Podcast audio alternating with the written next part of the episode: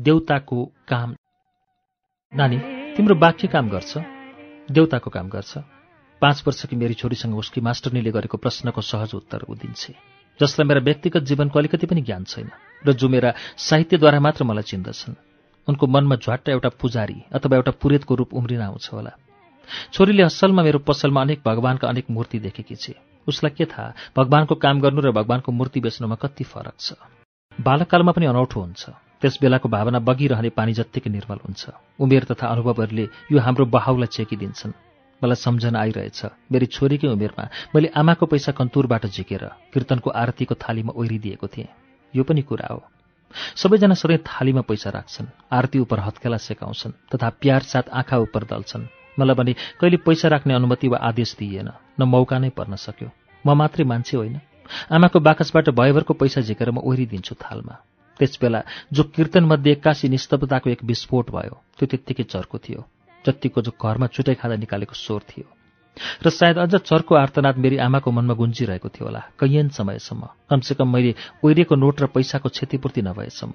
आज ईश्वरप्रति झल्काएको मेरो त्यो एक युग पुरानो श्रद्धाले के मलाई उनको मूर्ति बेचेर पाएको दुई पैसाको नाफाबाट जीवनयापन गर्ने व्यवसायप्रति क्षतिपूर्ति गर्दैन होला? त्यस बेलाको गहनता अथवा विषमता म आज आमाको उमेर नागिसकेपछि आँक्न सक्छु। क्षयरोगबाट पीडित पति परित्यक्ता एक मास्टर नै थिइन्। उनी एक मिडिल स्कुलमा पढाएर आउने पैसाबाट आफू र छोराको खाना कपडा पथ्य उपचार र भवितव्यबाट जोगाइराखेको त्यो चल सम्पत्ति जति एकैपटक स्वाहा हुँदा के समस्या पर्न गयो होला उनको सामु? आफ्नो मृत्युको निमन्त्रणा प्रत्येक खकारमा आइरहेको बेला पाँच वर्षको छोरा अब यो यत्रो भवसागर कसरी पार गर्ला भन्ने विचारबाट उनको मुटु चिमोटी खाइरहेको हुँदो जस्तो अहिले म कहिलेकाहीँ चिमोटाइ पाउँछु। ईश्वर कतै छन् भने उनलाई मेरो उपहारभन्दा मेरी आमाको वेदनाबाट व्यथा भयो होला। यदि ईश्वरलाई वेदना र व्यथा भन्ने वस्तुले छुन्छ भने म जान्दछु। मेरी छोरीले भनेको कुरामा उसले जानेसम्मको सत्य छ र सत्य भनेको के भने तिमीले जानेसम्मको ज्ञान हो छोरी। पहिलो पटक आमाले आफ्नो जुठो खान नदिँदा मेरो कस्तो चित्त दुखेको थियो। पहिलो पटक आमाले मेरो ओछ्यान फरक पारिदिँदा म कति रोएको थिएँ। आज म जान्दछु। ती काममा म प्रति कत्रो ठुलो शुभेच्छा र ममता रहेछ उनको। अहिलेसम्म नत्र म बाँचिरहेको हुने थिएँ र अर्को कुरा मेरी छोरी सत्य भनेको विकसित हुँदै जाने बदलिरहने कुरा हो। कतै पढेको छु। प्रत्येक पटक पर्ने हिउँमा छकुने डिजाइन भए पनि आजसम्म डिजाइन दोहोरिएको छैन। प्रत्येक पटक सत्य उही भए पनि अलग हो। मैले पैसाको उपहार चढाउँदा ईश्वर मेरा निमित्त अरूप थिए। आज मैले प्रत्येक पटक मूर्ति बेच्दा ईश्वर रूप बान्छन् बेच्नु अघि म उनलाई किन्छु। कुन पिरियडको शैली हो त्यो बुझ्ने प्रयास गर्छु। सौन्दर्यको नापजोक गर्छु। र गर्छु वर्णन। र तौलिन्छु उनलाई भएको मुनाफामा। मेरा निमित्त बुद्ध सिर्फ बुद्ध रहेनन्। त्यो बुद्ध जसले ईश्वर छैन भन्ने धर्म निकाले र जो स्वयं ईश्वरमा परिणत भए जसले पञ्चशील बनाएर जो शिलामा बदलिए। बुद्धलाई अढाई इन्ची बुद्ध र नौ इन्ची बुद्ध र सोह्र इन्ची बुद्ध र भूमि स्पर्श मुद्रा बुद्ध र ब्रोन्ज बुद्ध र मुकुटधारी बुद्धको रूपमा मात्र चिन्दछु। म बुद्धलाई किनेको मोल चौध र बेच्ने मोल बिसमा मात्र चिन्दछु र मैले भनेका यी कुरामा असत्यता पटक्क छैन। म जान्दिनँ आजभन्दा बिस पच्चिस वर्षपछि जब म समाप्त भइसकेको हुनेछु। र जब आजको मेरो उमेरमा तिमी पुग्नेछौ तिमीले पहिलाएको सत्य कुन किसिमको हुनेछ? तिम्रा बच्चाले कुनै एउटा कुरा गरिदिँदा मैले मेरो जीवनका घटना चल्यास सम्झे जस्तै तिमीले आफ्ना जीवनका घटना सम्झने छेउ छैनौ। मलाई मेरी आमाको सम्झना आए जस्तै तिमीलाई यदा कदा तिम्रा पिताको सम्झना आउने छ छैन। तर यति कुरा चाहिँ पक्का हो। तिमीमा मेरो एक अंश मेरो अन्त्यपछि पनि बाँचिरहनेछ। त्यसरी नै जसरी ममा मेरा पूर्वजहरू निधाइरहेका छन् र कहिलेकाहीँ म उनलाई झकझकाई बिउजाइदिन्छु र कहिलेकाहीँ उनीहरू झकझकाई मलाई बिउजाइदिन्छन् मलाई सम्झना आइरहेछ आमाको डायरी मेरो हातमा परेको घटना उनको मृत्युको दस बाह्र वर्षपछि। त्यसको प्रत्येक पानामा समाधिस्थ प्रत्येक वाक्य र प्रत्येक शब्द जुरमुराएर बिउजे र वर्षौं अगाडिका आमाका व्यथा र वेदनाको कोसेली बोकी म भित्र बास लिन आइपुगे र सायद उमारिदिए उत्तिकै तीव्रता जति उनले भोगेकी थिइन्। उनको लेखाइमा नौलो शैली वा टेक्निक वा अभिव्यञ्जना थियो थिएन। आज म सम्झन सक्दिनँ। तर आजसम्म सम्झिरहने एउटै गुण थियो त्यसमा। त्यसमा अनुभूतिको तीव्रता थियो। उनले त्यो अरूका निमित्त लेखेकी होइनन्। त्यसकारण त्यसमा अनावश्यक व्याख्या थिएन। उनले त्यो मेरा निमित्त पनि लेखेकी होइनन् कारण त्यसमा उपदेश पटक्कै थिएन। उनले त्यो किन लेखिन् त्यो म बुझ्न सक्दिनँ। हुनसक्छ त्यो आफू उप परेको अन्याय विरुद्ध अरूप एवं निराकार भविष्यप्रति परेको एक उजुर थियो। त्यसो हो भने त्यो एक महान र सफल साहित्य रचना थियो। साहित्यको नत्र अर्थ के? मैले त्यो डायरी जलाइदिएँ। कारण मभन्दा राम्रो पाठक त्यसको अरू थिएन र अरूको हातमा परेर त्यसको मर्यादा अवहेलित हुने मलाई डर भयो। कहिलेकाहीँ सोच्दछु डायरी नजलाएको भए पनि हुने थियो। यो कुरा त्यस्तै हो। मानव कहिलेकाहीँ मनमा झ्वाट्टा आउँछ। म काशीबाट काठमाडौँ नआएको भए भएको भए भन्ने कुरामा धेरै सम्भावना छन्। मैले लेख्ने नगरेको भए अनुभूति निश्चय पनि मर्ने थिएन। अभिव्यक्ति भने तिखारी नै थिएन। र आफूले गरेको र आफूले अरूले आफूप्रति गरेको कैयन कार्यको म नापचोक गर्ने थिइनँ होला। जीवन एउटा थोक व्यापार हुने थियो र जीवनमा ससाना र मसिना घटनाहरू अनायास मूल्यवान बनी आँखाको सामु देखा पर्ने थिएनन्। म सफलता तथा असफलताको च्वाट्ट ब्यालेन्स सिट निकाल्थेँ र प्रत्येक आर्थिक वर्षमा जीवन अर्कै हुने थियो। यो सब भएन र पो यो सब गरिन वा गर्न सकिन र पो आज वैयात कुराले पनि छुन्छ अरूलाई गरिएको अरूले जवाफ दिएको प्रश्नोत्तरले पनि छुन्छ। र यसरी छोइने भएर नै आश लाग्छ स्पन्दन छ कता कता कता कता केही धुकधुकी बाँकी छ। सायद यही छ देउताको काम हो कि म भित्र शेष रहन गएको जीवनप्रतिको सच्चा चाहनाको यो टुकटुकी। यसको जवाफ भविष्यले सायद भन्ला। गोरेटोको खोजीमा। तिम्रा पर्खालमै तिम्रो बाटो छ। यो कसको महान बाढी? नित्सेको? अहिले ट्याक्क सम्झिन सकिन। बाटो नभएको ठाउँमै गोरेटो छ। यो कसको महान बाढी थाहा छैन। लेख्ने असमर्थ भएकै बेला लेख्ने प्रयास गर। यो कसको महान बाढी थाहा छैन। तर अहिलेको क्षणमा म यी तिनै आयाममा सङ्कुचित भएको स्वयंलाई अनुभव गर्दैछु। बाटो छैन गोरेटो छैन लेख्ने सामर्थ्य छैन। मलाई सम्झना आइरहेछ। कसरी म प्रेम पत्रहरू पन्ध्र बिस पेजको लेख्थेँ? न हात थाक्दथ्यो न मन। र त्यति लेखिसक्दा पनि लाग्दथ्यो अझ भन्ने कुरा व्यक्त भएको छैन।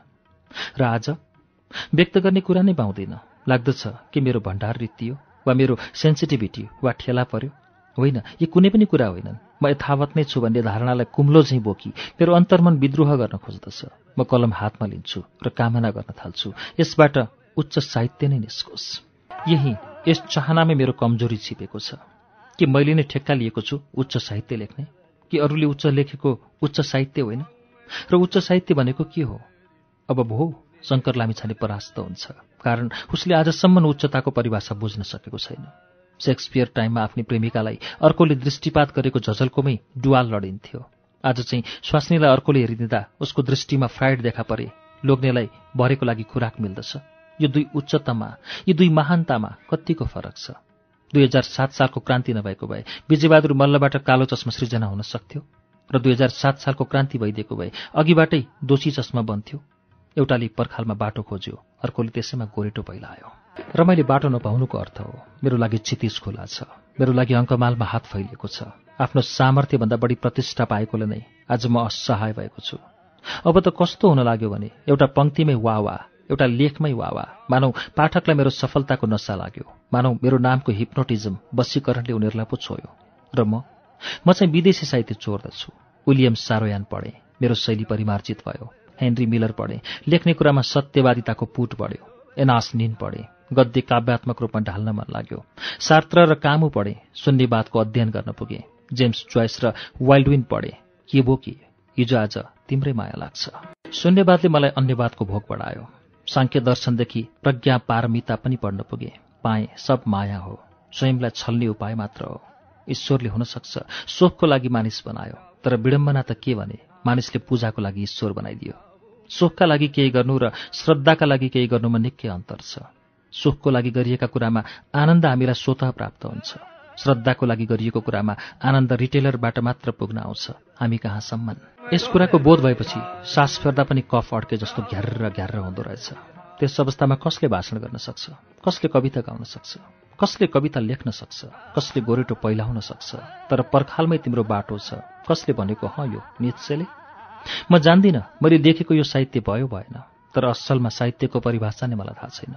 साहित्य के को लागि? जनताको लागि? समाजको लागि? धरतीको लागि? स्वयंको लागि? पैसा कमाउनको लागि? प्रतिष्ठा कमाउनको लागि? वा आफू मरेर कता कता हिँडिसकेपछि एउटा लाइब्रेरीका दराजबाट धुलोमा बेरिएर एउटा इच्छुकका आँखाको लागि वा कोर्स बुकको लागि यिनै प्रश्नहरूका पर्खालमा म बाटो खोज्दैछु। सोखको लागि साहित्य अँगालेको थिएँ। अब यो श्रद्धा हुन गयो। आफ्नो लागि लेख्न आरम्भ गरेको थिएँ। प्रेम पत्रबाट हृदयको व्याकुलताबाट विदेशी देशी विद्वानको प्रभाव छो परेको थियो आफू उप त्यसलाई देशवासी उप दर्शाउने अभिलाषाबाट डायरीबाट अनुभवबाट वाहवाहबाट र प्रतिष्ठाको लोभबाट। आज चाहिँ म अर्काको लागि लेख्दैछु रूपरेखा सम्पादकको लागि जनताको लागि समाजको लागि भविष्यको लागि एक पाठिकाको अस्पष्ट अनुहारको लागि। तर आज साहित्य मेरो लागि शोक रहेन श्रद्धा हुन गयो। यसैको माध्यमद्वारा म बाँच्छु कि भन्ने भावनाले घर बनाए मुटुमा। मानौ रोजै पशुपतिनाथ ताइदिँदा मोक्ष पाइन्छ कि भन्ने भावना। र पलखारको एक घेरा हो यो जसबाट म आफ्नो बाटो खोज्दैछु। र जनताको लागि मैले जीवनमा कहिले पनि लेखिनँ। आमालाई रिजाउन क ख ग लेखेँ। मास्टरलाई रिजाउन प्रबन्ध लेखेँ। प्रेमिकालाई रिजाउन प्रेमपत्र लेखेँ। साहुलाई खुसी पार्न तमसुक लेखेँ। जागिर बढाउन रिपोर्ट लेखेँ। नाम कमाउन कथा लेखेँ। प्रतिष्ठा कमाउन भविष्यमा बाँच्न यो गोरेटो लेख्दैछु। र प्रत्येक लाइन लेख्दा मेरो आँखामा प्रबुद्ध अनुहार नै आए। यस्ता अनुहार जसलाई म रुचाउँछु वा जस्तो अनुहार वृद्धि होस् भन्ने कल्पना गर्छु। आमाको अनुहार मास्टरको अनुहार प्रेमिकाको अनुहार साउको अनुहार जागिरको अनुहार इज्जतको अनुहार प्रतिष्ठाको अनुहार। हेर हेर कान्छा बाख्री भन्ने अनुहार होइन जो उत्तर दुई नम्बरबाट काठमाडौँ ओर्लेर नयाँ सडकमा नेपाल आर्ट एन्ड ह्यान्डिक्राफ्ट सेन्टरको सो इन्डोमा राखेको सानो याक देखेर कराउँछ। हो ती जनता हुन् र तिनलाई मैले माया नगरेको घृणा गरेको होइन। दैव जान्दछ। म अर्को जुनीमा यहीँ जन्मियो। यो मेरो आन्तरिक अभिलाषा छ। तापनि म तिनको लागि साहित्य लेख्दिनँ। तिनको लागि लेखिएको कुरा शिक्षा सामग्री हो। साहित्य होइन। र शिक्षा सामग्री मैले नलेखेको पनि होइन र नछापेको पनि होइनन्। र तिनको नामाकरण हाम्रो साहित्य नभएको पनि होइन। तथापि म बालमुकुन्द र उत्तमको लागि लेख्छु। भोपी शेरचनको लागि लेख्छु।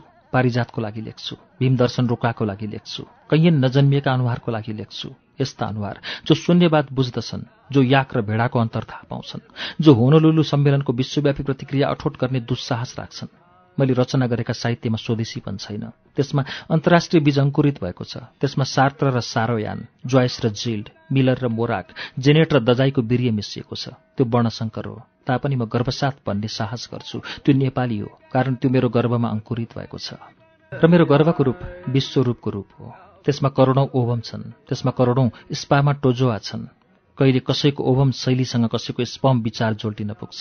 कहिले कसैको स्पम शैलीसँग अर्को दर्शन ओभम। यही गर्वको पाठ्यकर बीचमा म जन्मिने उपाय खोज्दैछु। त्यही पर्खालभित्र मेरो ढोका छ। त्यही बाटो नभएको अन्यलमा मेरो गोरेटो छ र त्यही गोरेटोमा मेरो भविष्यको राजमार्ग छ। तारापुञ्ज अन्धाको ब्रेल। यो जसको अहिले नामाकरण पनि भएको छैन र जो सायद कथा बन्छ कि अथवा कविता अथवा निबन्ध अथवा प्रबन्ध जेसुकै बनोस्। यो चिज जो म लेखिरहेछु यो लेखिरहेछु कलमले र मेरो मनमा सम्झना आइरहेछ टाइपराइटरको टाइपराइटर चिज राम्रो हो र त्यो प्रतीक हो सभ्यताको र म सभ्य छु कमसेकम सभ्य बन्न खोज्छु र मेरो प्रयास नै उपलब्धिभन्दा कम महत्त्वपूर्ण कहाँ छ र?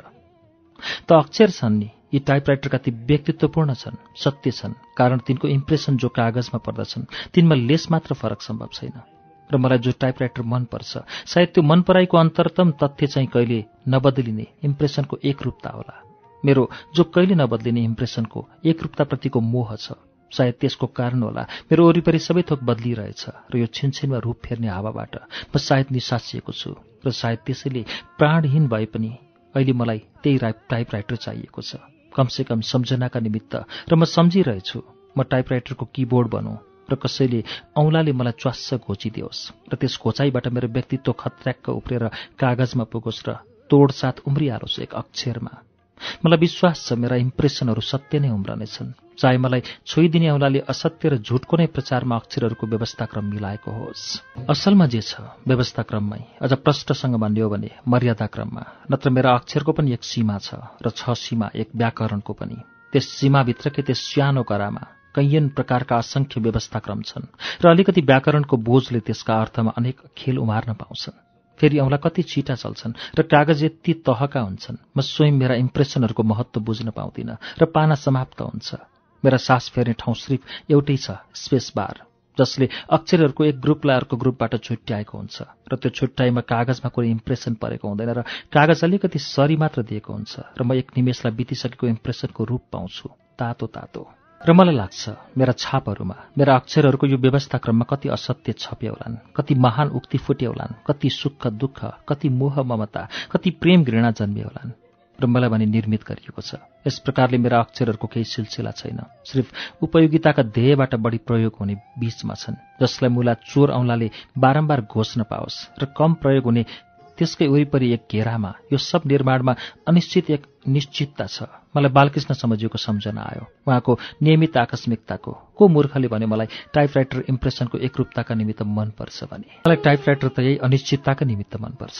एउटा अन्यल गज्याङगुजुङ एउटा टर्र टर्र टक्क टक्क टिन्न टिन्न क्वार्र यही त जीवन हो। यही अन्यल त साहित्यमा उम्रिरहेछ यही अन्यल त समाजमा उत्रिरहेछ यही अन्यल इतिहासमा धर्ममा राष्ट्रहरूमा विश्वहरूमा प्रष्टसँग देखा परिरहेछ। यही अन्यल आकाशका ताराहरूमा कुन चाहिँले को कहाँ कुन्नी लेखेको छ। ताराहरू अन्धाका निमित्त निर्मित ब्रेलीका अक्षर हुन् रे। र मेरो भनाइ चाहिँ टाइपराइटर दिव्य दृष्टिवाला नयन स्वामीका ब्रेली। छामिएर छामिएर यो कागजमा परेका चोट सुमसुमाएर थाहा पाऊ औँलाको चोटको तीव्रता। थाहा पाऊ प्रत्येक ठोकरको उद्गम स्रोत। थाहा पाउनै नसकिने त सिर्फ एउटै कुरा छ जसले चोट हिर्काएको छ। त्यसका मनको तीव्रता र त्यसका औँलाका तीव्रतामा कत्तिको सामञ्जस्य छ। औँलाको प्रत्येक चोटले के मनको चोटको तीव्रता उत्तिकै मात्रामा उसार्छ त्यसरी नै जसरी प्रत्येक शब्दले भावनाको तीव्रता र वास्तविक अनुभूत अवतरित गर्छ आहा अवतरणको मूलको रूप मूलको सौन्दर्य मूलको सत्यता रहन्छ र अवतरणमा जो शब्दको माध्यम छ जो एक घेरा छ कि त्यसले अन्तर्द्वन्द्वीय र अनेक शक्तिका सङ्घर्षणयुक्त व्यक्तित्व पक्रिन सक्छ र भावनाको र अनुभवको जो जन्म हुन्छ एक चतुर्थ आयाममा के अक्षर र शब्द र भाषाका दुई आयामी माध्यमबाट ती डोराइन सक्छन् र खैकुन्नी मैले त अनुभव गरेको कुरा व्यक्त गर्न चाहेको कुरा कहिले पनि व्यक्त गर्न सकिएन। ती जहिले पनि पङ्गु भई जन्मेका छन् र अङ्गभङ्ग भएको टेढो अस्पष्ट वस्तु मलाई मन पर्दैन। मलाई प्रष्ट सोझा सिलिक्क परेको एकनासे आहा त्यसैले त भनेको मलाई टाइपराइटर मनपर्छ। मलाई मन नपर्ने त औँला हुन् जसले त्यसका अक्षरलाई खोज्छन्। मलाई मन नपर्ने भाषा हुन् जसले भावनालाई व्यक्त गर्नै सक्दैनन्। कमसेकम भाषालाई त्यति शक्तिवान बनाउन सकियोस् त्यो। त्यो कार्बन पेपर बनिदियोस्। मलाई मन नपर्ने साहित्य हुन् जसमा लेखक कविले वास्तविकता भन्न आँटेको र विकृत गरेको हुन्छ। र वास्तविकता के भने संसार टाइपराइटर हो र टाइपिस्ट सिर्फ कम्पोजिटर हुन्छ अनाडी हुन्छ जो टाइप गर्दा गर्दै समाप्त हुन्छ। यो मैले के भन्न खोजेको थिएँ र के भन्न पुगेँ? असलमा म भन्न चाहिरहेको थिएँ। वास्तविकता के भने संसार टाइपराइटर जस्तै त्यान्द्रै त्यान्द्राले कि आन्द्रै आन्द्राले भरिएको पेट हो। र हामी त्यसलाई भने खोज्दा खोज्दै समाप्त हुन्छौँ। टाइपराइटरप्रतिको यो मेरो मोह छ नि। त्यसको सच्चा कारण के छ भने त्यसमा आन्द्राको रिक्तता छ र भोजनको मिठास। र म अनेक प्रयास गर्छु अनेक चोट दिन्छु र भाषा फुटाउन खोज्छु साहित्य निर्माण गर्न खोज्छु सिर्फ आन्द्रा रसाउन सिर्फ अलि अरू बढी बाँच्न खोज्न अझ आफूलाई अलमलाउन खोज्न किनभने आजसम्म सब अलमल नै त गरिरहेँ। केही पनि नबुझ्ने अबुझ छु तर अनुहार यस्तो लाउँछु मानौ सब जान्दछु। नबुझेको बेला बुझेको अनुहार बुझेको बेला नबुझेको अनुहार अक्कल गुम गएको बेला एकदम गाम्भीर्य र गम्भीरता चाहिएको बेला मुस्कानको चिप्लिने काई जस्तै म चाहिरहेथेँ आन्द्रा र भोकको सम्बन्धमा लेख लेख्न र लेख्न पुगेँ टाइपराइटरमाथि। असलमा टाइपराइटर मलाई पटक्कै मन पर्दैन। म त्यसलाई हृदयदेखि नै घृणा गर्दछु। मलाई टाइपराइटर मनपर्छ भन्ने मान्छे लेख्ने मान्छे सुन्ने मान्छे र बुझ्ने मान्छे सबै एक नम्बरका मूर्ख हुन्। असलमा मलाई अक्षरै मन पर्दैन साहित्य नै मन पर्दैन सायद साहित्य मन पर्दैन भन्ने कुरा माथि कतै भनिसकेँ। भनिसकेर के त? म यसलाई फेरि दोहोऱ्याउन चाहन्छु। साहित्यले के कहिले निर्माण गर्दछ? साहित्यले के कहिले बच्चा पाउँछ? त्यसरी नै जसरी आन्द्रा भरिएको बेला मानिसको पौरुष सक बगाउन थाल्छ र सन्तान उत्पत्तिको शक्ति आउँछ। साहित्य कविता सत्यम शिवम सुन्दरम यी के हुन्? सब अक्षरका खेल मात्र हुन्। अक्षरको एक विशेष मर्यादा क्रम हुन्। आजको भोलि नै यिनलाई बदलिन सकिन्छ। यिनलाई म अहिले नै बदलिन सक्दछु। यो अर्कै कुरा। मेरो अवशेष रहन गएको सभ्यताले मलाई छेकोस्। सभ्यता सभ्यता सभ्यता भन्दा मलाई श्राद्ध तर्पण गरेको सम्झना आउँछ। सभ्य आचमन असभ्य आचमन। बस यताको जनै उता। म सब कुरा बदलिन सक्छु। मैले बदलिन नसक्ने सायद कसैले पनि बदलिन नसक्ने एउटै कुरा छ। आन्द्रा। र आन्द्राको तेजबाट बारम्बार उम्रेर आउने सृष्टिको क्रिम। म त्यसकारण यो लेखिरहेको चिजलाई आन्द्रा भन्ने नामकरण गर्दछु र यसैलाई म सत्यम शिवम सुन्दरमको उपाधिले विभूषित गर्दछु। यो मेरो निर्माण हो यो मेरो उपज हो यो म भित्र छ यो मेरो आफ्नै सन्तान हो कि आन्द्राको सन्तान म हुँ मलाई थाहा छैन म केही पनि जान्दिनँ। एक पत्र सम्पादकलाई। मणि दाजु तपाईँले भन्नुभएको छ समाजको विशेषाङ्कको निमित्त म केही लेखदिउँ। खास गरी पत्रकारिता र त्यो पनि समाजकै समालोचना गरेर। करिब दुई घण्टादेखि समाजको मसँग भएको सङ्ग्रह पल्टाइरहेँ र सोचिरहेँ केही त लेख्नै पर्यो। तपाईँ एक मित्रको रूपमा मबाट चाहनुहुन्छ आफ्नो कला कौशलको समीक्षा। त यो दुई घण्टा म सोचिरहेँ र केही पनि सोच्न सकिनँ। कमसेकम छाप्ने लायक त केही पनि सोच्न सकिनँ। तपाईँ भन्नुहोला छाप्ने लायक छुट्याउने अधिकार त सम्पादकमाथि पो छ।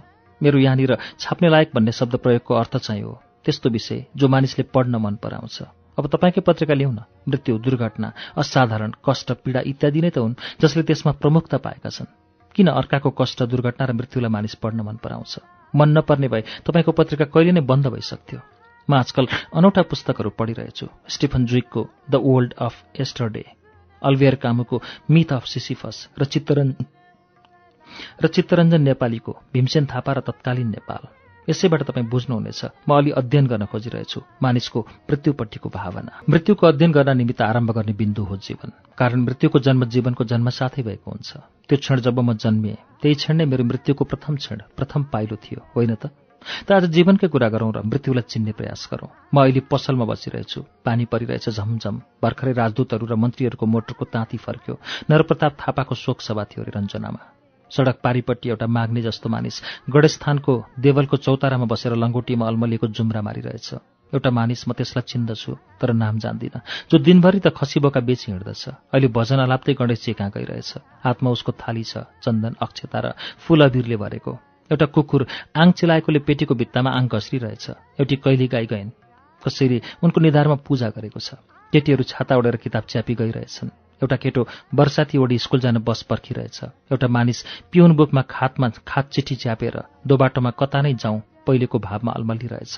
र मलाई एउटा लेख लेख्नु छ यस्तो लेख जसले नेपाली साहित्यको उत्थान गरोस्। यस्तो लेख जसले मणिदाजुको समाजको स्तर नगिराओस्। यस्तो लेख जुन पढ्दा नेपाली जनता रमाओस् तर मणिदाजु म अल्मलिरहेछु। मेरो मन थिर छैन।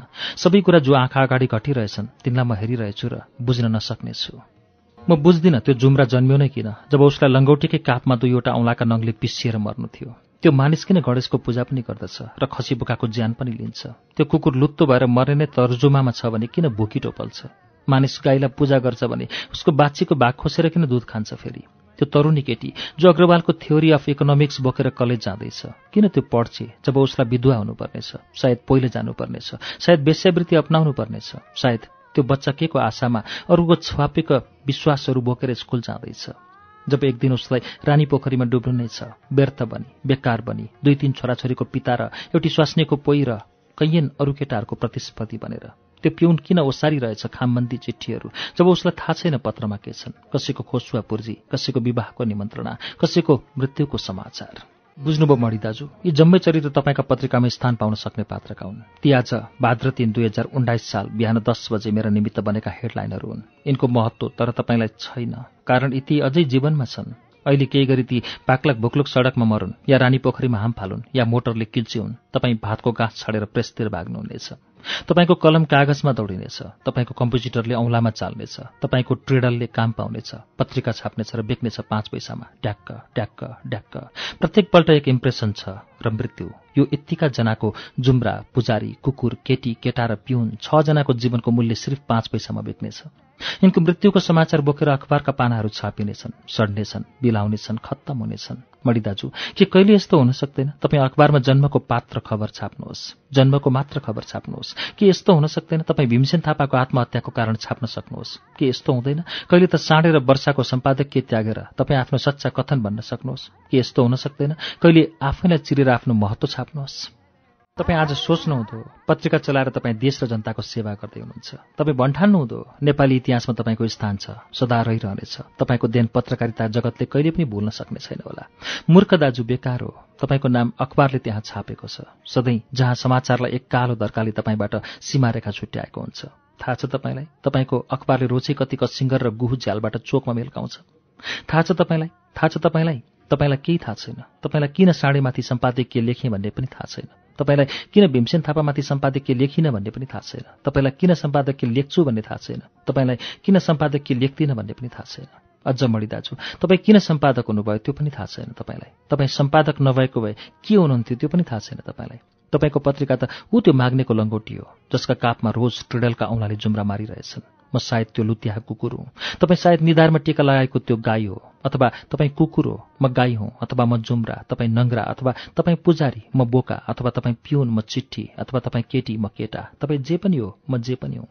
तपाईँहरूमा जन्मिनु अघि यसो सोची हेर्नुहोस् त कति आशा र विश्वास र हिम्मत संसारमा जन्म्यो। खै त्यो आज खै? तपाईँहरूमा जन्मिनु अघि कति शहीद र कति गद्दार जन्मे? खै ती आज खै? अमरसिंहको बारेमा सत्य के? इतिहासको सत्य खै? सत्य खै? सत्यको तथ्य खै? आज तपाईँ भन्न सक्नुहुन्छ। इतिहासमा कहाँनिर कल्पना सुरु भएको छ? कहाँ वास्तविकता हराएको छ? भन्न सक्नुहुन्छ। तपाईँको अखबारमा छापेका आत्महत्याका खबरको वास्तविकता के थियो? किन रामेचा या कृष्णचा या कक हचाले आफूलाई मार्नु अघि छोराछोरीलाई र स्वास्नीलाई मार्यो? भन्न सक्नुहुन्छ। के त्यस्तो कारण थियो जसले ती मरे? मणि दाजु बेकार छ। हामी सदा नै आफूलाई छोप्न खोज्छौँ। हामी अर्काको मृत्युको समाचारबाट आफ्नो मृत्युको समाचार छोप्न खोज्छौँ। हामी अर्काको विश्वास पढेर आफ्नो विश्वास छोप्न खोज्छौँ। हामी आफ्नो मनको सत्य कुरा श्रद्धाले छोप्न खोज्छौँ। म जो ईश्वरको कल्पना गर्छु त्यसको पूजा गर्छु म आफ्नो औँलामा लागेको बोकाको रगतको रङलाई अबिरले छोप्न खोज्छु। तपाईँ जो साडेमाथि सम्पाकितदेखि लेख्नुहुन्छ आफू गाई भएको छोप्न खोज्नुहुन्छ। मणिराज उपाध्यायलाई सम्पादक मणिराज उपाध्यायले छोपिरहेछ। शङ्कर लामिछानेलाई पति पिता व्यापारी शङ्कर लामिछानेले छोपिरहेछ। तपाईँ आत्महत्या गर्दै हुनुहुन्छ म आत्महत्या गर्दै गर्दैछु। तपाईँ र म म नमरिकन के खबर नालायक हुँदैनौँ?